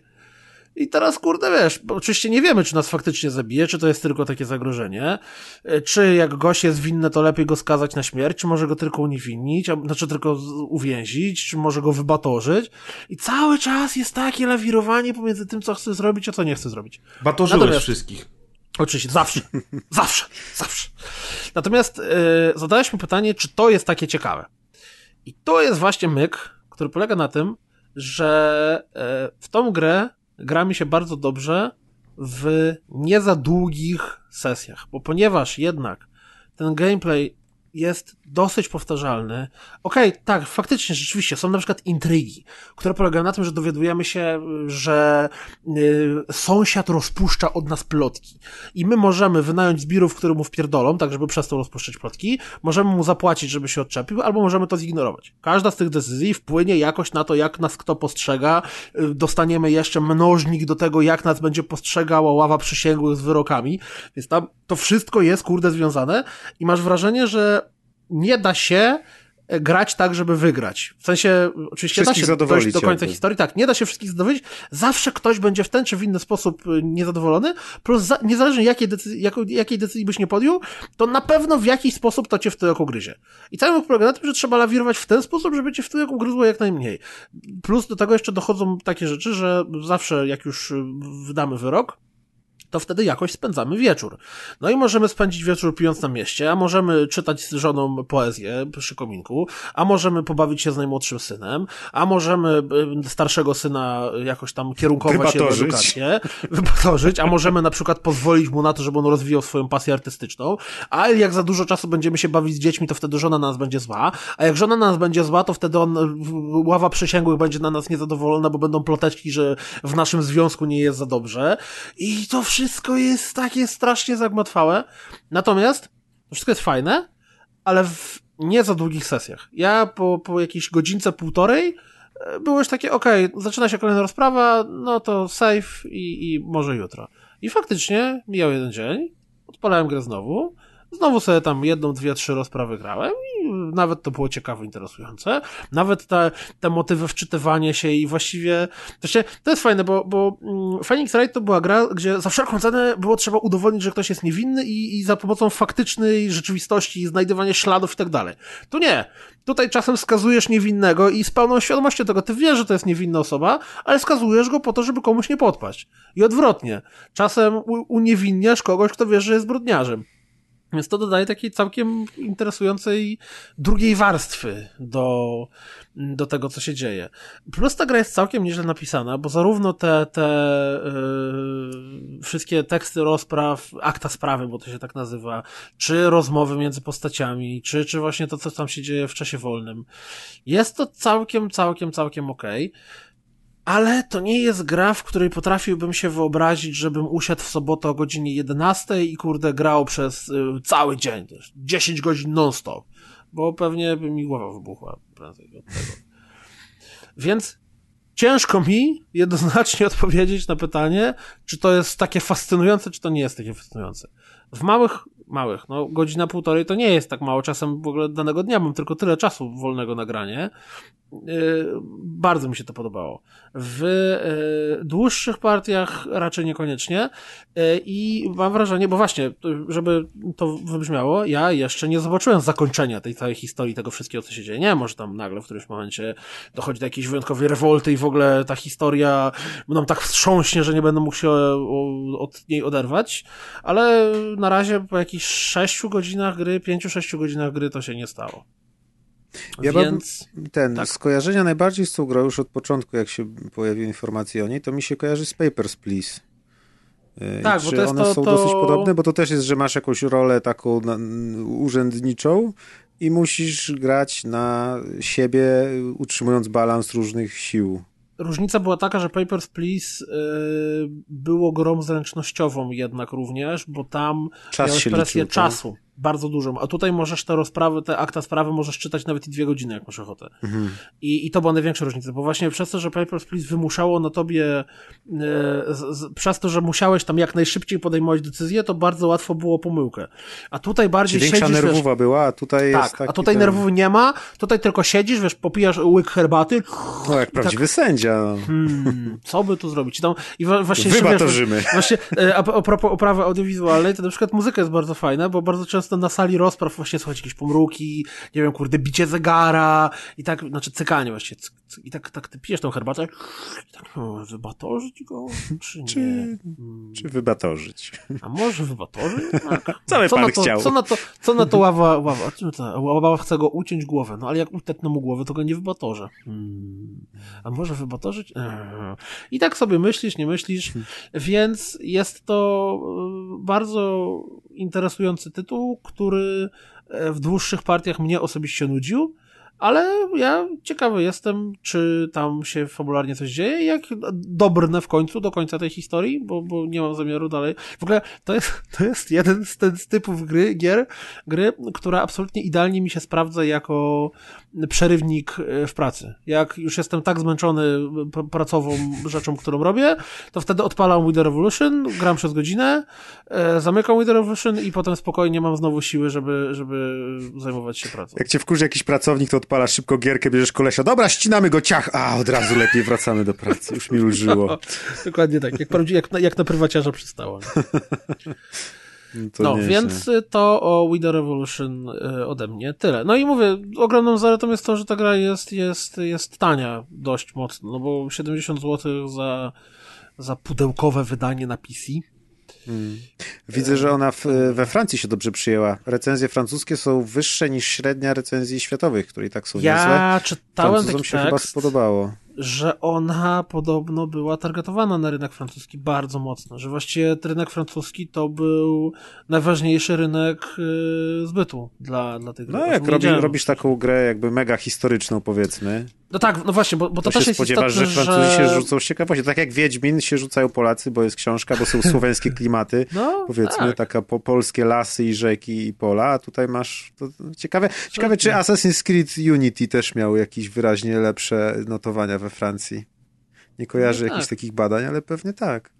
Nie tak. W ogóle to, y, to, to jest też istotne, nie wiem, czy to wybrzmiało odpowiednio z, z mojej recenzji, czy nie. Ona Przepraszam, jest... ale się nie mogę powstrzymać. Jestem ciekaw, czy God of War miał lepsze notowania w Asgardzie, czy... Wy to było wyborne, drogi Dobra. Loki, a dziękuję. Dla odmiany gre, grecki God of War nie miał. Tam w Grecji w ogóle nikt go nie chciał kupować. Tam się świat kończył. Yy, to chciałem powiedzieć, że ta gra jest bardzo, bardzo, bardzo mocno osadzona w realiach historycznych. Ja jako ignorant się zupełnie gubiłem w tych wszystkich imionach i nazwiskach, które tam padają i takie, zaraz, ale to o kim on teraz mówi? On teraz mówi o tym? Czy to jest ten Jean-Pierre? Czy to jest inny Jean-Pierre? Czy to jest, kurwa, o kogo? Batorzyć wszystkich, batorzyć, baty Batorzyć dla tak, po wszystkich. kolei. Ja słyszałem, że tam też jest dużo fajnych easter eggów i takich nawiązań do współczesnej popkultury, które y, dziennikarze chwalili, więc, więc z tego, co mówisz, wynika, że, że, że, że przemyślano ten aspekt gry. No kurde, no to nie jest mój typ gry, ale mimo wszystko chciałem pozdrowić wszystkich w studiu Polislash bardzo serdecznie. Ja Jedno z również. moich ulubionych studiów i pozdrawiam przeszłych, przyszłych, obecnych pracowników i wszystkich. Ja również. To nie jest kompletnie mój, mój typ gry i też mi się wydaje, że, że że raczej nie, nie jest to coś, po co bym teraz szybko chciał sięgnąć. Natomiast no, brzmi w sumie, a w sumie te intrygi, hmm, to jest coś takiego, co zawsze mi się podobało właśnie w takich rozbudowanych RPGach i nie tylko, e, takie właśnie granie na, na różne fronty. E, i, I faktycznie to jest, te, ten aspekt gry bardzo mnie zainteresował. Też byś chciał pobatorzyć trochę, przyznaj się. A to zawsze. No właśnie. No i to było We The Revolution i opowiadał o nim Kuldan. Tak, teraz to ja. Nasz Robespierre. ja przechodzę do Nuclear Throne i to jest starsza gra indyk, e, który w- ogóle zupełnie przypadkiem pojawił się u mnie na liście gier do ogrania e, i który jest taką grą jak e, Przepraszam, Pathway. czy mogę być, czy mogę być chujem? Właśnie Tak. też chciałem coś zauważyć. Czemu to nie jest Patient Gamer? Dokładnie. Już A to Gała jest nie chciał Patient mówić. Gamer? No to jest 2015 rok. 2015. Ojej, ja zapomniałem zupełnie o Patient Gamerze, przepraszam was. Dobra, to możemy przesunąć, czy już nie? Zostaw, Nie, no już- Ach, już. Gała wpisał czas. Sorry, sorry, faktycznie macie rację, absolutnie. To jest taka A ostatnio gra. była wojna, bo się o kilka dni kłóciliśmy i kiedy Tak, to powinno tak, być? a teraz a zaraz, zaraz. No Faktycznie, dobra, to niespodziewany Patient stara Gamer, jak y, Dziś hiszpańska sam jestem dziadkiem i co mógłbym dać swojemu wnusiowi, Nuklearny tron. jeśli nie nuklearny tron? E, mówiliśmy przed chwilą o tym, że Pathway jest takim indykiem w stylu Faster Than Light, w który graliśmy już wielokrotnie e, i który opiera się na podobnych zasadach jak inne gry już wcześniej przez nas grane i z Nuclear Throne jest podobnie. Tutaj się nasuwają e, skojarzenia chociażby z Enter the Gungeon, bo to jest taki e, rog, roguelite, w sumie e, sperma śmiercią, e, z losowo generowanymi korytarzami, e, bullet hell. Czyli jakby... Z czego tam się śmiejecie, kurczę? Co was tak śmieszy? Sperma śmierć. Ach, tak myślałem. Może, przepraszam słuchaczy, że pytałem ich, co ich śmieszy. W ogóle najmocniej przepraszam. W każdym A razie... Gała się, śmieszy, się śmieje zawsze, jak słyszy sperma. Może, jak najbardziej, jeszcze jak. W każdym razie, y, Ja mam problem z tego typu grami, bo one są zazwyczaj bardzo trudne i szybko zniechęcają, zniechęcają do zabawy. Tak było z Enter the Gungeon, który bardzo mi się podobał gameplayowo, miał pomysł na siebie, więc cisnąłem go bardzo długo, natomiast e, on nie zostawiał jeńców i tam po prostu najmniejszy błąd powodował, że rozpoczynało się zabawę od początku. I tutaj w teorii jest tak samo, natomiast rozgrywka jest troszkę wolniejsza, troszkę łatwiejsza, e, dzięki czemu ta powtarzalność i powracanie do, do zabawy nie jest takie irytujące. Ja w ogóle zainstalowałem tę grę jako grę imprezową, bo był u mnie mój brat i chcieliśmy zagrać w czasie kooperacji. Zamiast Ja mówię, flaszkę wyjąć i imprezować, to... Mówię, jest taka gra, słuchaj stary, Nuclear Throne, no wiesz, a to było w skończyli tygodnia i przyjechał na dwie druta. godzinki, nie? To wiesz, ja nie wiem, czy u was w domu, jak przyjeżdża szwagier, czy coś, to w środę o 19 otwieracie flaszkę i... U mnie Chociaż nie, można, w wiesz, jak najbardziej, jeszcze jak w sumie. No. E, w każdym razie tak, mówię, gramy sobie, dwa padziki podłączamy, ciśniemy. E, zobaczymy, co to jest. I zagraliśmy e, i, i było mega fajnie. E, bardzo szybko odblokowuje się nowe postaci. Te postaci mają różne zdolności, każdą się gra nieco inaczej.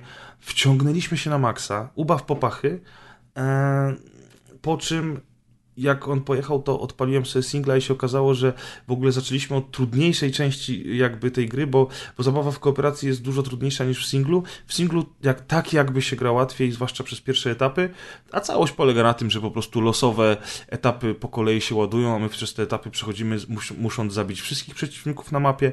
Mamy dwie bronie do wyboru, które musimy podnosić, bo zazwyczaj zaczynamy, zaczynamy tylko z pistoletem, mamy bronie dystansowe, mamy bronie do walki wręcz. Em, i to jest taki typowy bullet hell, w którym biegamy sobie, strzelamy do różnych, różnistych przeciwników, którzy mają różne właściwości. Niektórzy są w stanie do nas podlecieć, inni wybuchają po śmierci, jeszcze inni mają taki zmasowany atak laserowy. Trzeba się tych przeciwników nauczyć, trzeba nauczyć się działania broni i to jest właściwie wszystko, czego potrzebujemy do zabawy. A co każdy etap zaliczony, czy nie zawsze co każdy, ale często co każdy, potem się to zaczyna różnie, różnie pojawiać, dostajemy perki. Czyli znowu nic nowego, w innych grach tak, też tak to wygląda. I te perki dają nam różne właściwości, na przykład to się tutaj nazywa mutacjami, no bo to jest w końcu Nuclear Throne i każda z tych postaci, którymi gramy, są takie dziwne mutanty. E, i, i- jakby po otrzymaniu tych, tych mutacji możemy na przykład mieć taką opcję, że mm, częściej w, w, wypada amunicja i zdrowie z przeciwników. Albo, że jeżeli zdrowie zejdzie nam poniżej 4 punktów życia, to wybuchy i ogień nie zadają nam damage. Albo, że walka wręcz ma większy zasięg i, i większy damage. Czyli w sumie takie standardowe rzeczy, chociaż niektóre z tych, niektóre z tych mutacji są, są ciekawsze, dużo bardziej rozbudowane. E, ogólnie rzecz biorąc, ta różnorodność jest bardzo fajna, tych pomysłów na, na te mutacje jest bardzo dużo. W broni jest w pip e, i każdą walczy się inaczej.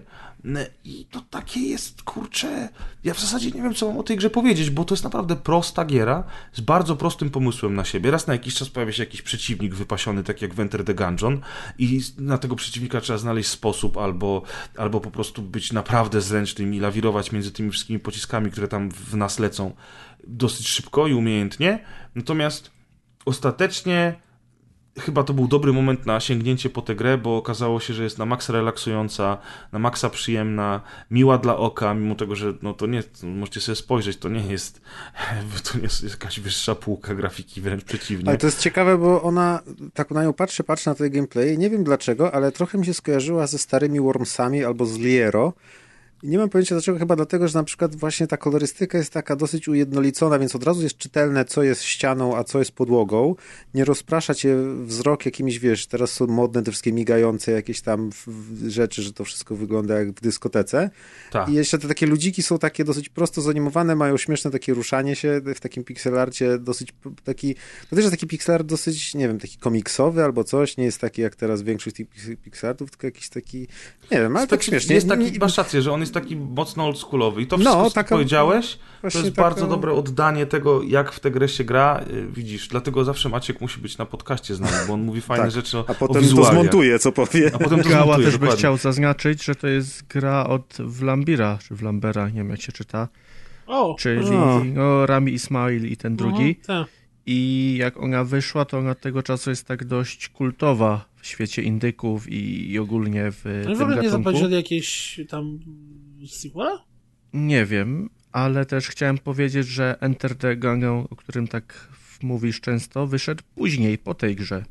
Tak, tak, no jak ona jest z 2015 roku, gała, chłopie, to było 4 lata temu. Więc ja Znaczy, przepraszam, Enter Gała, jest no rok co ty. później, więc to nie jest tak, że, że to tej grze że dzieje jest jakiś 20 dużo, lat. dużo młodszy. No tak. w każdym ale razie no, chciałem tylko wspomnieć o tym, że ta gra jest klasykiem i wzorem do naśladowania gatunku. Więc jeżeli komuś się nie spodoba ta gra, no to już raczej nie ma czego szukać W grach wideo. W w naśladowcach. grach wideo naśladowcach, i w ogóle tak. w życiu. życiu, Jeszcze chciałem, tak. też chciałem powiedzieć, że Enter Enter the Gungeon miał bardzo niefajny sposób na to, że w kooperacji drugi gracz dostawał duszka, który gówno potrafił e, i którym się grało dużo trudniej niż, niż podstawowym ludzikiem. Natomiast tutaj w kooperacji każdy gracz wybiera sobie po prostu z puli postaci, które się odblokowuje.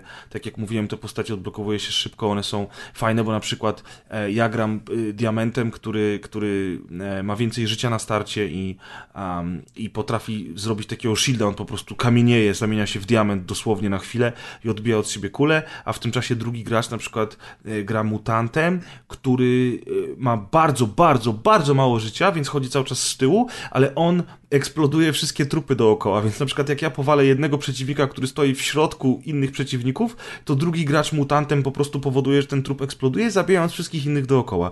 I dzięki temu jest trochę taktycznie, trochę z pomysłem na siebie i mówię wam, ja o, tej, o istnieniu tej gr- gry wiedziałem od dawna, natomiast ona gdzieś tam czekała sobie na zagranie i nagle powiedziałem, ej, może to? I powiem wam, warto, spróbujcie, świetna zabawa. A na ile osób jest koop lokalny? Na dwie. A Nas było w ogóle trzech, bo jeszcze był nasz kolega i niestety zamienialiśmy się co chwilę padami, bo, bo liczyliśmy... Siedział i patrzył jak gracie. No, ale wiesz co, powiem ci szczerze, że na pierwszy raz, jak każdy z nas się tej gry uczył, to samo patrzenie się było mega fajne, bo każdy, a, a ten robi tak, ty zobacz, a granatnikiem można w ogóle zniszczyć ściany, a to, a tamto i wiesz, i nawet we trzech żeśmy się absolutnie nie nudzili, no, dlatego, że ta rozgrywka jest na tyle szybka, że, że wiesz, tam po 10-15 minutach max ginęliśmy, więc y, na przykład ten trzeci gracz brał jednego z padów i graliśmy dalej, się, a dzięki temu, że, że, że to była dla nas nowość, że tyle rzeczy tutaj było do poznania, to, to faktycznie nie było problemu z tym. Natomiast docelowo gra jest dla dwóch graczy. Maksymalnie, bo, bo single player wiadomo dla pojedynczego gracza, ale on nie różni się jakoś zasadniczo od tej kooperacji. Jest prostszy, to na pewno, natomiast to dalej jest roguelite e, w momencie, w którym giniesz, zaczynasz od początku, jedyne co pozostaje ci w progresie, to są kolejne odblokowane postaci, którymi możesz grać. Enter the Gungeon jest tych samych kolesi, czy innych? Innych. Innych. Bo właśnie innych. sobie odpaliłem go i Dodge on Roll. rzeczywiście ma o wiele bardziej skomplikowaną grafikę i przez to jest od razu mniej czytelny, bo tu wszystkie jakby kafelki są narysowane, to jest taki pixel art wydziergany bardziej jak w jakichś przygodówkach czy JRPG-ach i jest o wiele mniej czytelny i już taki, plus te pociski właśnie świecą. To jest właśnie coś innego niż te ogólnie takie gry podobne. Może się wydawać, że one wszystkie są tak samo, a jednak w odbiorze ja je zupełnie inaczej odbieram. Przez te wizualia inne. To było Nuclear Throne, które powinno być w Patient Gamerze. Ja nazywam się Prez, a teraz Kuldan opowie nam o jakichś latających stworzeniach. E, tak, Falcon to jest jastrząb chyba, nie? Czy czekaj, nie, zaraz. Falcon To jest, Punch. to jest bohater z G.I. Joe, jak i jaszcząb tam. Prawda, Ale Maciek? jak to, co to jest za po polsku? Falcon z zwierzę? Joe nie kojarzy. No był Falcon, był Sprawdzić. Duke. No Duke to był, ale kto... Falcon, G.I. Joe... Nie wiem, czy miałem Falcona. Ty, chyba nie miałem Falcona. Sokół. Soku, nie jastrząb, przepraszam. Faktycznie. Nie Sokół to stało. jest taki raper. Gała zadowolona. Też. Jaszcząb tak pewnie też. wydał swoją solową płytę pierwszą w tym roku. Widzieliśmy go jest z Adrianem niedawno na, na, na, na koncercie Jizza i to O, jest bardzo zazdro. miły gość ten Sokół, bo z, przechodził koło nas, spojrzał na nas, poznał nas totalnie, od razu sobie pomyślał, ej, to jest Adek i Prez w ogóle Kurna, z z rozgrywki, rozgrywki, ale wow. wiedział, że jesteśmy w miejscu publicznym i spędzamy po prostu prywatny czas i totalnie nie truł nam dupy, także szanujemy to. Nie- nie Gdyby chciał Adrian był, to by tych- powiedział. Nie chciał, mm, a, Boże, podpisów waszych, ani zdjęć. Gała zazdrości. Nie, nie, nie, nie. Bardzo, bardzo przyjemny. Zresztą PZ widzieliśmy też i Hirka Wronem. Też was nie za, też wam dał spokój, dali wam spokój. Jo, jo. To dobrze. No, ale wracając do y, Falconów. Czyli nawiązując się do tego, kogo widzieliście, to ja powinienem powiedzieć, że widziałem Sokoła cień. Do góry. E, o, tak, na, do góry na Anicie Lipińskiej ptak. też ostatnio byłem, chociaż oczywiście ona nie śpiewała piosenki Orłacień. Ale jak Tylko jęczała. jesteśmy, to się chciałem Ha! pochwalić. Gała rzucił żarcik. Gała umie w dowcipy, Pozew incoming.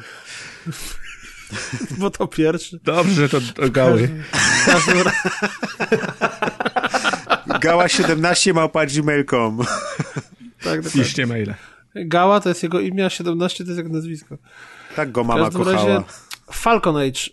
Y, Falcon Age, czyli gra o tym, że fajnie jest mieć ptasiora. A to ty byłeś w wiarze znowu. Byłem w wiarze, ale mogłem nie być w wiarze i spróbowałem i bycia w wiarze i nie bycia w wiarze i ta gra y, właśnie z tego powodu y, włączyła mi pewną rozkminę, bo często gęsto mówi się o tym, że y, na co komu ten VR przecież spokojnie dałoby radę to się zrobić y, pod gałką jako kręcenie Tak, a kamery. HDR już Ej, był ej, w. Half-Life'ie. Ale spokojnie. Dokładnie tak zrobili twórcy Falcon Age, to znaczy zrobili grę pod VR-a i Move'a konkretniej, ale uznali, że kurwa 4 miliony VR-ów, kurde, to jak to kupi, nie wiem, 10%, to my na chleb nie będziemy co mieli. Więc yy, zrobimy normalnie ją na telewizor i obsługę padem. I to, jak dramatycznie słabiej ta gra e, się sprawdza jako gra na padzie e, i do grania przed telewizorem jest szokująco zaskakujące. Bo mm, już pomijając nawet samo to, że jeżeli zamiast e, machania łapami musimy coś robić kliknięciem gałką, znaczy kliknięciem guzika na padzie i w, w przypadku czegoś takiego jak karmienie swojego sokoła, to w ogóle zabija w tym jakikolwiek sens, gdzie tak normalnie, wiesz, podajesz mu tam jakieś jedzenie czy coś w tym stylu, a teraz po prostu naciskasz guzik i oglądasz animację.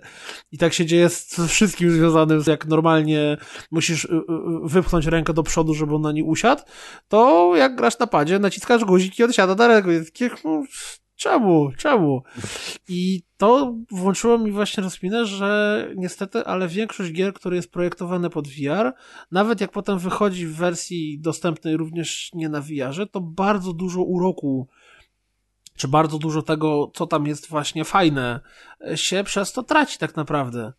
E, Bo, bo Falcon Age, y, moim zdaniem, pomiędzy, niezależnie jaką by jej dać ocenę w skali od 1 do 10, to na pewno wersja VR-owa ma dwie oceny wyżej niż wersja nie VR-owa. Dlatego, że wszystko to, co w, jak gramy na VR-ze, przynajmniej jak ja gram na VR-ze, już jestem przyzwyczajony do tego, mi nie przeszkadza, czy nie a to jakiś nie za piękny świat, a to jakieś, kurde, jak patrzysz na cień animacji, to to wygląda jakoś dziwnie, a to jakieś tam drobne doczytywanie się tam tekstów, czy coś. To na VR-ze to tak strasznie nie przeszkadza, ale jak grasz normalnie na konsoli, to to mocno przeszkadza i, i, i tego się trochę zbiera.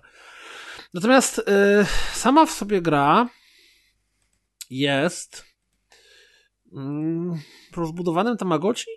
Nie wiem, nawet chyba nie Tamagotchi, bo w Tamagotchi musieliśmy dbać o potrzeby zwierzątka, a tutaj e, tak naprawdę e, mamy po prostu wskaźnik zdrowia i tyle. I e, jest to tym zabawniejsze, że mimo, że jakoś gra nie pokazała mi w żaden bezpośredni sposób, żeby, że tak powiem, bonding z tym ptasiorem miał jakieś znaczenie gameplayowe, to i tak wyjątkowo często bawiłem się w gotowanie mu przysmaku, w głaskanie go, czy jak był jeszcze malutkim piskaczkiem, można było złożyć ręce w kształt serduszka i on wtedy głowę wypychał przez to serduszko, a potem jak był większy, to można bis, bis, te, e, Maria, bumpfistować z nim żółwika i tam w ogóle e, najlepsze co jest w tej grze to jest e, zachowanie tego ptasiora i wchodzenie z nim w interakcję, e, a cała reszta jest mega Czy przeciętna. są czaple?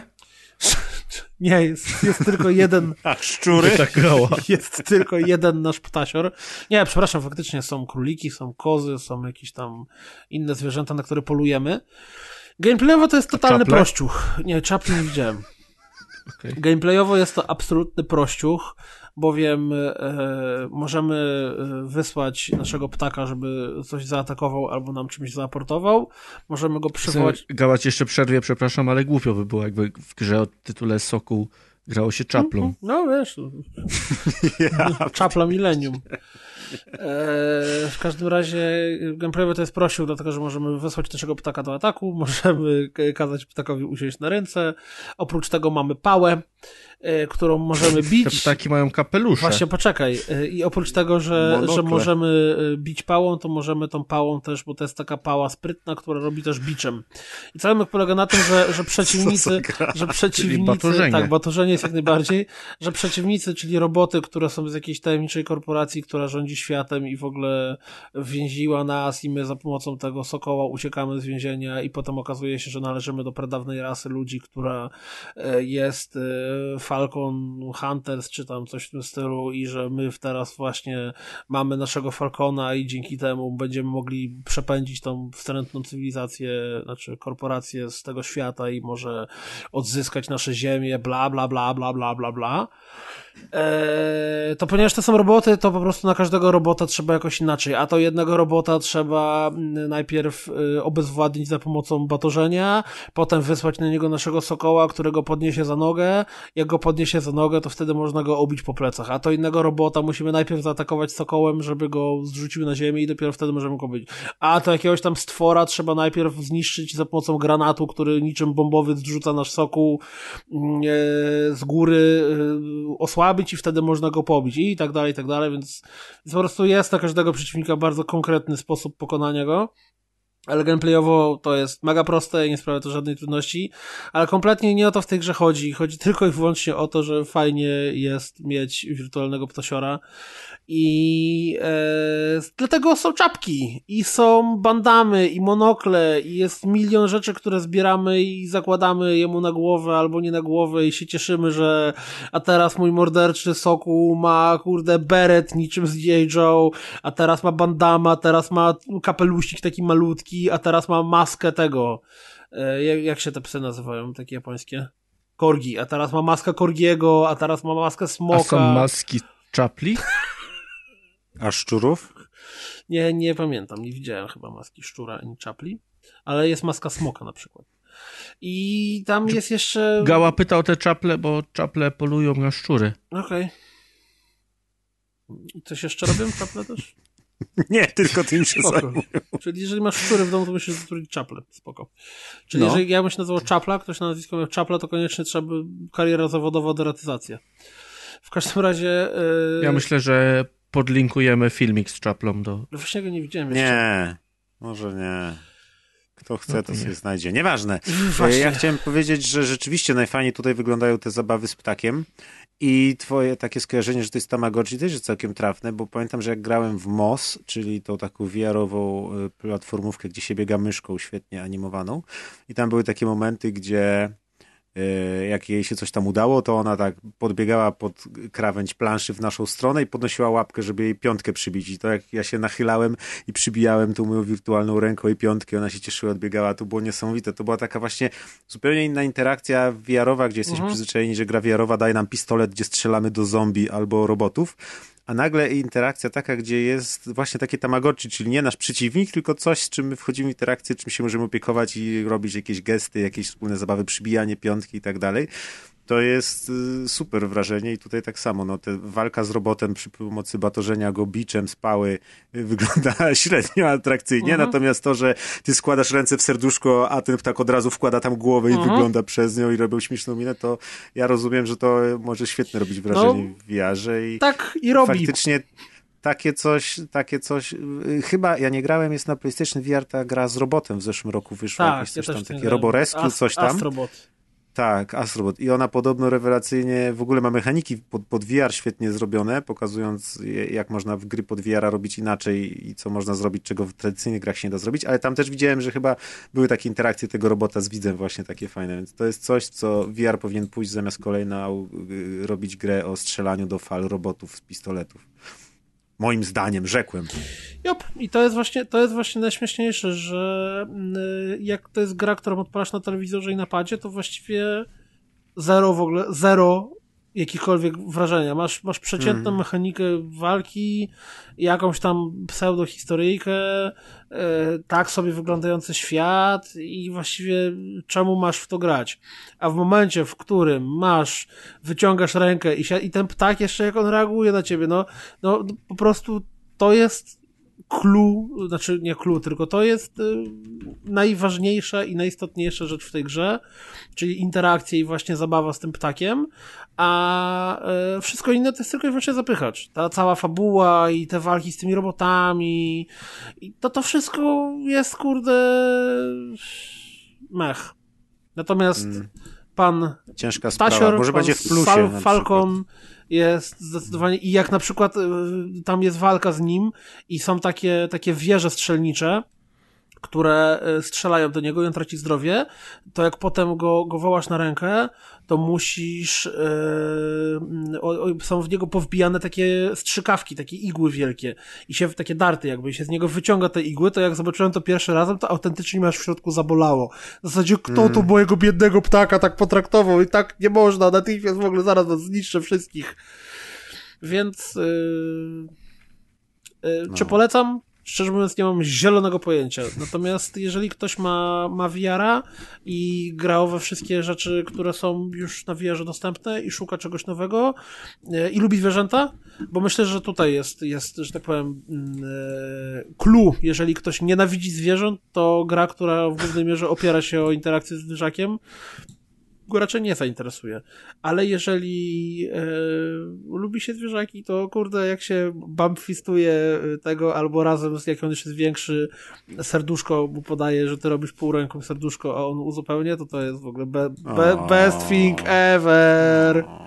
Ja próbuję jeszcze zerknąć, ale niestety oczywiście jak zawsze sklep PlayStation jest wspaniały i działa tak jak chce, a nie tak jakby ktoś chciał. Ile kosztuje ten Falcon Age? Bo obawiam się, że to jest pewnie jakieś 120 zł, jak to w przypadku gier VR-owych. Eee, już wam mówię. Falcon Age. Bo na razie to jest e, ekskluzyw.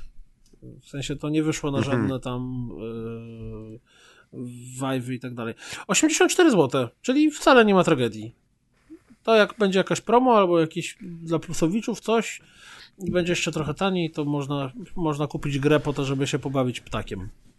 No, ja jestem ciekaw, czy będzie do, DLC do tej gry, które nazywało się będzie Falcon Punch. Na to poczekamy, A zobaczymy. potem Donkey Punch. Potem Donkey Punch, oczywiście. A potem Natomiast ja co, chciałem... co gała tam było I ostatnio? kooperacja z Tony Hawkiem. A, o, why the fuck not? Ja chciałem tylko powiedzieć od razu, zrobić biop do tego odcinka, który jeszcze trwa.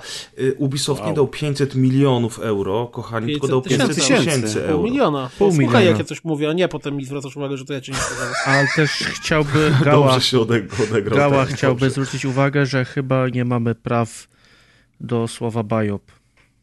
Nie macie prawa Legia Nasi Warszawa. prawnicy muszą e, Ale to preza najwyżej wsadzą do paki. Ale Muszą przecież ja to używam, bo wy używaliście. Wysoki sądzie, oni mi kazali. Oni pierwsi, Batorzenie, batorzenie, batorzenie. Wypadorzyć go.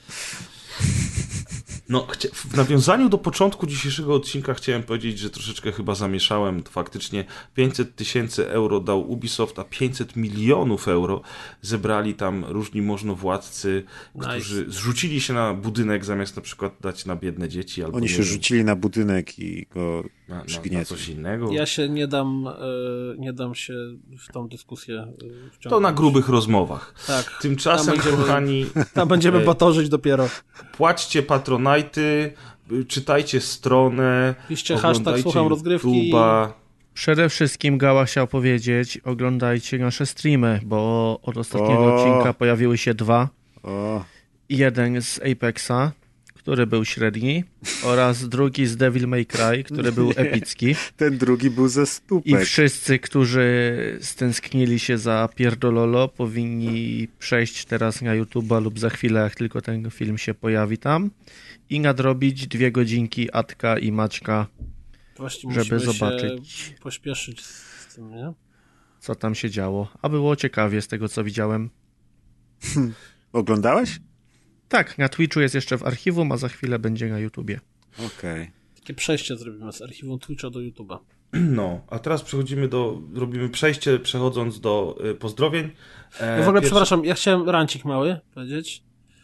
Raz jedyny, kurwa, jeden raz zły odcinek podlinkowałem w pobierz i to jeszcze w pobierz, w MP3, którą się ściąga na dysk albo na telefon, Jak czego nikt nie robi. 2005. W playerze było dobrze, na stronie było dobrze, w tych wszystkich podcast addiktach. Kto w ogóle klika pobierz? Kto kurwa klika pobierz? Ra, raz jeden się pomyliłem i co? Wrzucam odcinek, wychodzę z domu, jeb kurwa, tu komentarz, tu na prywat, tu na mailu, tu... Chyba się zły odcinek Coś chyba ktoś tu źle podlinkował, no no nieładnie, co to za profesja... Kurwa, po, w ogóle nie będzie tego guzika pobierz Ale wyobraź niedługo. sobie, wyobraź sobie, że w takim razie oni od lat, tuż po wrzuceniu odcinka, sprawdzają wszystkie linki i za w każdym razem byli zawiedzeni, że było dobrze. Więc teraz po Ja 100 chyba, ja chyba miesiącach... w odcinku w tym, którego słuchacie, udało. podepnę jakiegoś takiego trojana, co wam się zainstaluje na komputerze i będzie tego, bitcoiny kopał. Jeszcze się kopie bitcoiny, czy już to już jest Adek?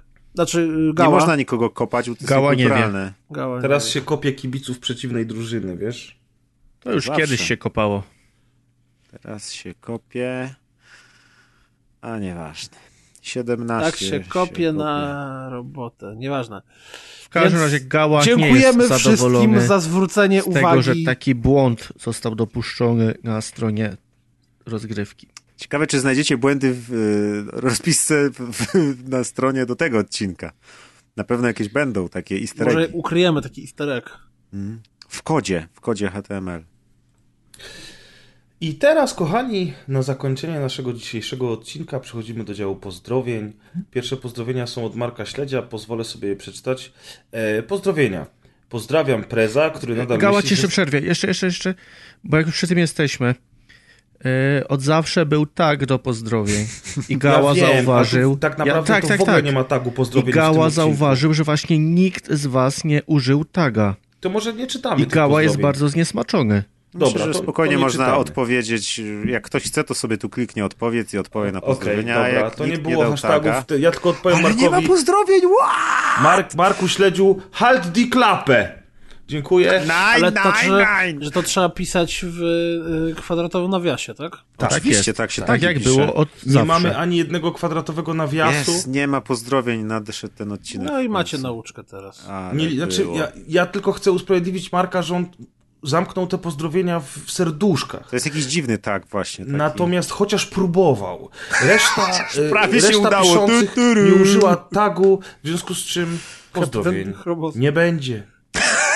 Kapitan Chromos. Adrian, ja ci potem wyślę, bo chyba ja wziąłem. A, Nie ma. Adriana. Gała. Gała. Gała. Gała Gała, przekaż Adrianowi. Natomiast ja chciałem z drugiej strony, bo pozdrawiam nie będzie, bardzo dobrze, ale ja chciałem e, bardzo pogratulować dyskusji pod podcastem. Naprawdę, kurde, podoba mi się życiowe komentarze takie, że można by z nich książkę napisać w sumie, jakby się postarać. E, Nawet mało obrażania siebie nawzajem, ale bo Bardzo troszeczkę mało. wiadomo. Autentycznie z przyjemnością czytało się, się te komentarze i nawet ja się dowiedziałem trochę o mechanice e, tych, tych tam całych source'owych gier. E, więc polecam bardzo. Tomcie jeszcze na blogu taki, są taki najlepsi. protip wam dam. Kasowanie Protip komentarzy nic nie daje.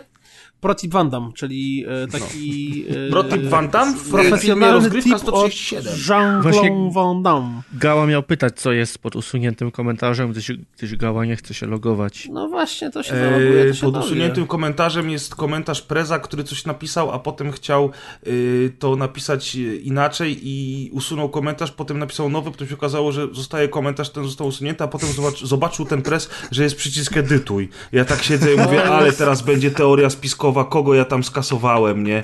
Na mówi, bank jakiś ban mówi. poleciał, a ja po prostu nie Mówi umiem się- obsługiwać dyskusa. Kompur, Mówi komputera. się, że to są dane znane Redakcji. redakcji. Tak. Tak, tak. Już do ciebie jedziemy. Już Gała się zalogował. O! Adek ci hasło, no, no tak, wszystko jasne.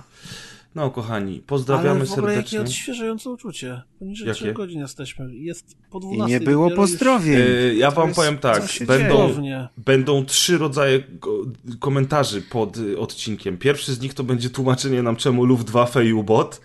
A na to czekam. Drugie znowu prez był na odcinku. drugi to będzie, jak to poniżej trzech godzin, to ja nawet nie zdążę tam, wiesz, coś tam. A trzeci rodzaj komentarzy to będzie, y, dlaczego nie było pozdrowień. Mm. Także tak. No sorry. Reguły to reguły. A coś o Gale? O Gale? Ja sam nie wiem, o co chodzi Gale z Gałą. Polsatu. Ja No Gała, jestem ja. Ale, ale, czyli ty zostajesz na stałe, kolego sympatyczny, tak? Znaczy, Tak. Bardzo No. się cieszę. Jezus Bardzo- Maria, jak- jak- co się je- stało? Jeżeli chodzi o debiut, kolego, to bardzo ładnie wypadłeś. Dziękuję. Proszę. Gała, Gała jest zadowolony. Gała szczęśliwa. Gału, to jest Gała mężczyzna. Gała szczęśliwa. Gał, Gała 17. Wiecie, ja mam mindfucka właśnie? Co się Wiemy. stało? Gała wie. Nadszedł ten czas, się- moment w podcaście na Mindfucki. że z jakiegoś nieznanego mi Oho. powodu Oho. i to Nie właściwie mam czegoś spodni. ciebie zainteresuje, Okej, dajesz. bo pan, który jest muzykiem, indie devem, pixel gotem i nihilistycznym tatą. Co to jest A przy Pixel God? okazji. Pixel God. A przy Kurna. okazji odpowiada za e, currently making and scoring Black Future 88. Oznaczył mnie w e, Discordzie poświęconym tej grze, do którego nawet nie wiedziałem, że należę, że jest e, nowy build na dniach się będzie pojawiał, a ty nawet może szybciej się pojawi, jakbyś chciał. Wspaniale. Yy, ale Co ja robię na Discordzie? dodali cię, bo ty byłeś osobą, która przyjmowała Ja wersję wiem, preview. Musisz tam teraz siedzieć, no trudno, na ciebie wypadło. No. Tylko tam nie wysyłaj im dickpików, dobra? Już od razu, poczekaj, spodnie zdejmować. Dobrze, żeby nie było trzech godzin znowu. Jasne. Kochani, dziękujemy. Do usłyszenia. Jeszcze do Gała ma coś na końcu do powiedzenia. Jeżeli Gała może. No dajesz. To byłem ja, Adek, to nie był żaden Gała.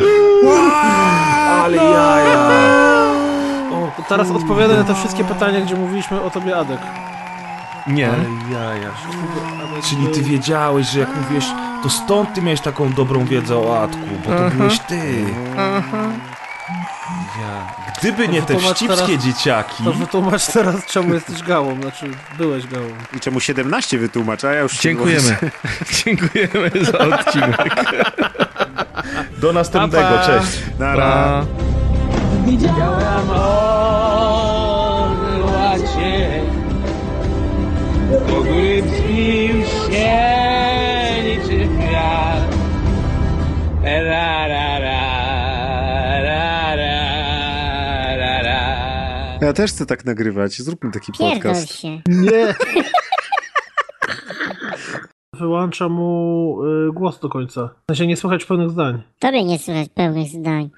Wcina tak jak ostatnią zgłoskę. Bo ja słyszę sam siebie i przestaję mówić. Kurwa! Nagrywanie na odsłuchu jak profesjonalista. Bo ja mam słuchawki blisko mikrofonu też. No, no. No to każdy tak ma, no nie da się inaczej. Chyba, żeby każdy sobie teraz kupił jeszcze zamknięte słuchawki specjalnie takie wygłuszające. Albo porządny stół mikserski i tam wtedy jest na wyjściu sygnał od razu będziemy skryczować i- zamiast mówić. Ja, ja, ja tylko wiem, że od kiedy sobie Dachman kupił porządny właśnie mikser taki, wiesz, na, na te takie... A on sobie kupił mikser do robienia omletów, a nie wiesz. Tak. tam. Jest, jest duże prawdopodobieństwo, że kupił sobie mikser do mienia robotów, bo od tego momentu ma ciągle problemy z nagrywaniem, od tego ma non-stop problemy z nagrywaniem. Ciągle mu coś Raz, buczy, raz, coś raz. Prze, Coś ten... buczy. Nikt nie buczy, ty buczysz. Ale buczy. Ła, ła, ła, ła, ła, ła, ła. Robimy dubstep? Ale dobre intro. Okaże się, że ma w sobie w ogóle Force Unleashed. Ma w sobie jest- Skywalkera w środku. Albo się I Awaken jej. Skywalker tak wyjdzie jak obcy w pewnym momencie z niego. Przez klatkę. To było niezłe, to by było Mhm. całkiem niezłe połączenie uniwersów. A wiecie, że jest lekka gównoburza o to, czemu ten chłopaczek jest taki, a nie inny? Czemu jest białym Czemu jest rudy? mężczyzną? Nie, czemu jest białym mężczyzną, Jaki dokładnie. chłopaczek, kurwa. No ze zwiastuna. Jakiego zwiastuga? No, Jedi. Fallen Order. Ja pierdolę. Przedstaw Tak, jako no, Gała zapi- 17, bez imienia i nazwiska. Nie. No A mnie proszę. przedstaw Gała 34 A, a jako Hitler, tak? I wszystko. i Hitler. Nowy podcast, No zapraszamy. weź, no Ta, co ta, ci ta. szkodzi? Ktoś gdzieś przeczytał, że ktoś gdzieś napisał, że ktoś coś powiedział? To brzmi jak Story of My Life. Ale ten weekend był dobry. Aha.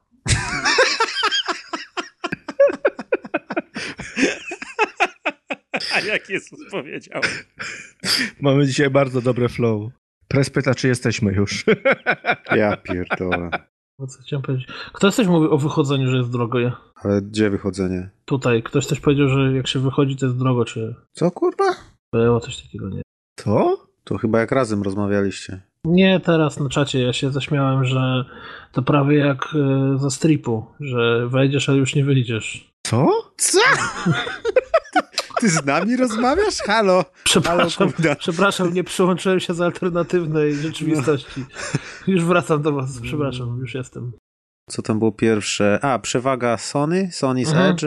A, Sony to takie jest, sobie, ale Jest fajnie takie- animowany, tak takie e, renderowane fizycznie, jak, nie? jak, jak z gry wideo, totalnie, jak wyciągnięte troszkę te, te, niektóre twarze jak z Dishonored, Absolutnie. A, bo to, a wiesz czemu to, jest, czemu to wygląda jak Dishonored? bo koleś Bo od Dishonored to, Tak, robił. dokładnie tak. A, no właśnie, ten dyrektor Ten cały tych walk jest totalnie z Dishonored wyciągnięty. Tak, typ, który projektował postaci do Dishonored, projektował postaci w tym. A, no. Bo to nie jest tak, że ja poszedłem do Sony. Kurwa, wyzwij, znaczy wyzwij, pozwij ich.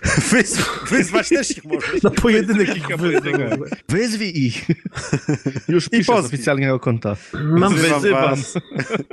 mam z innymi rzeczami problem, ale to... Dawaj. Oj, Nie, bo. Maciek to nagrywa i potem Maciek. wykorzystywał. Powiedz, każdy powie z czym ma problem. Nie, bo ty masz ta, taśmę Michnika, ja już dobrze wiem, że ty to już planujesz. Twoje odejście, twoje odejście z rozgrywki przy okazji rozpierdolić Ale to podcast. będzie Dajesz. Gała jest jak ksiądz, Gała nikomu nie powie. Gała, Gała jest tak, bo. Gała nie nagrywa. Maciek jest Michnikiem. Gała jest gałą. Zwykłą, smutną gałą. Gała mówi o sobie w trzeciej osobie. Teraz Że uczysz się, formy nad gałą. uczysz się tworzyć sobie te e, swoje, e, jak to się mówi? Alterego. Alternatywy, że- no właśnie. Rzeczywistość. A szkoda, Gała- że dzisiaj kazusa rozgrywki uczy. nie będzie. Tak. Kazus rozgrywki. Kazus rozgrywki był dobry. Gała w a nie, dobrze. Co Dawaj. Gała słucha. Nie, bo ciekawe, czy nie chcesz wrócić. Jebać. Jebać. Gała potwierdza. Widzę. Ej, ale zajebiście, ten godzinnik będzie miał godzinę.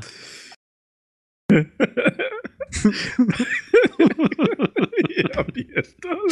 Znaczy Gała pierdolę. Kogo? Gała pierdoli.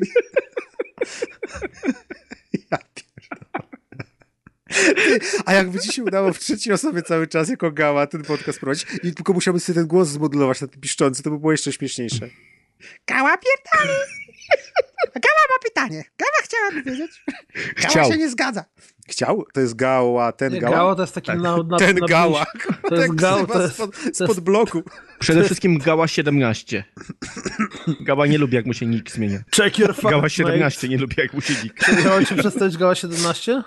Słucham? Mam cię przedstawić jako Gała 17. Tak. A Czy Gała podkreśnik 17? Nie, czy Gała 17 po prostu. Okej. Nie róbmy Gała slash gwiazdka podkreśnik Nie róbmy paragraf Lewo, prawo, lewo, procent. prawo, AB, AB, select start. 17. Koda mi code. Dobra, mogę jedną rzecz, rzecz obejrzeć z tych sześciu, co mam wpisać. W sensie z sześciu. No z Nic, newsów. my ci wszystko opowiemy. Pierwszy odcinek sezonu GOT nie, Rainbow Six Okej, Magic nie. wracam za ale 50 ja- minut.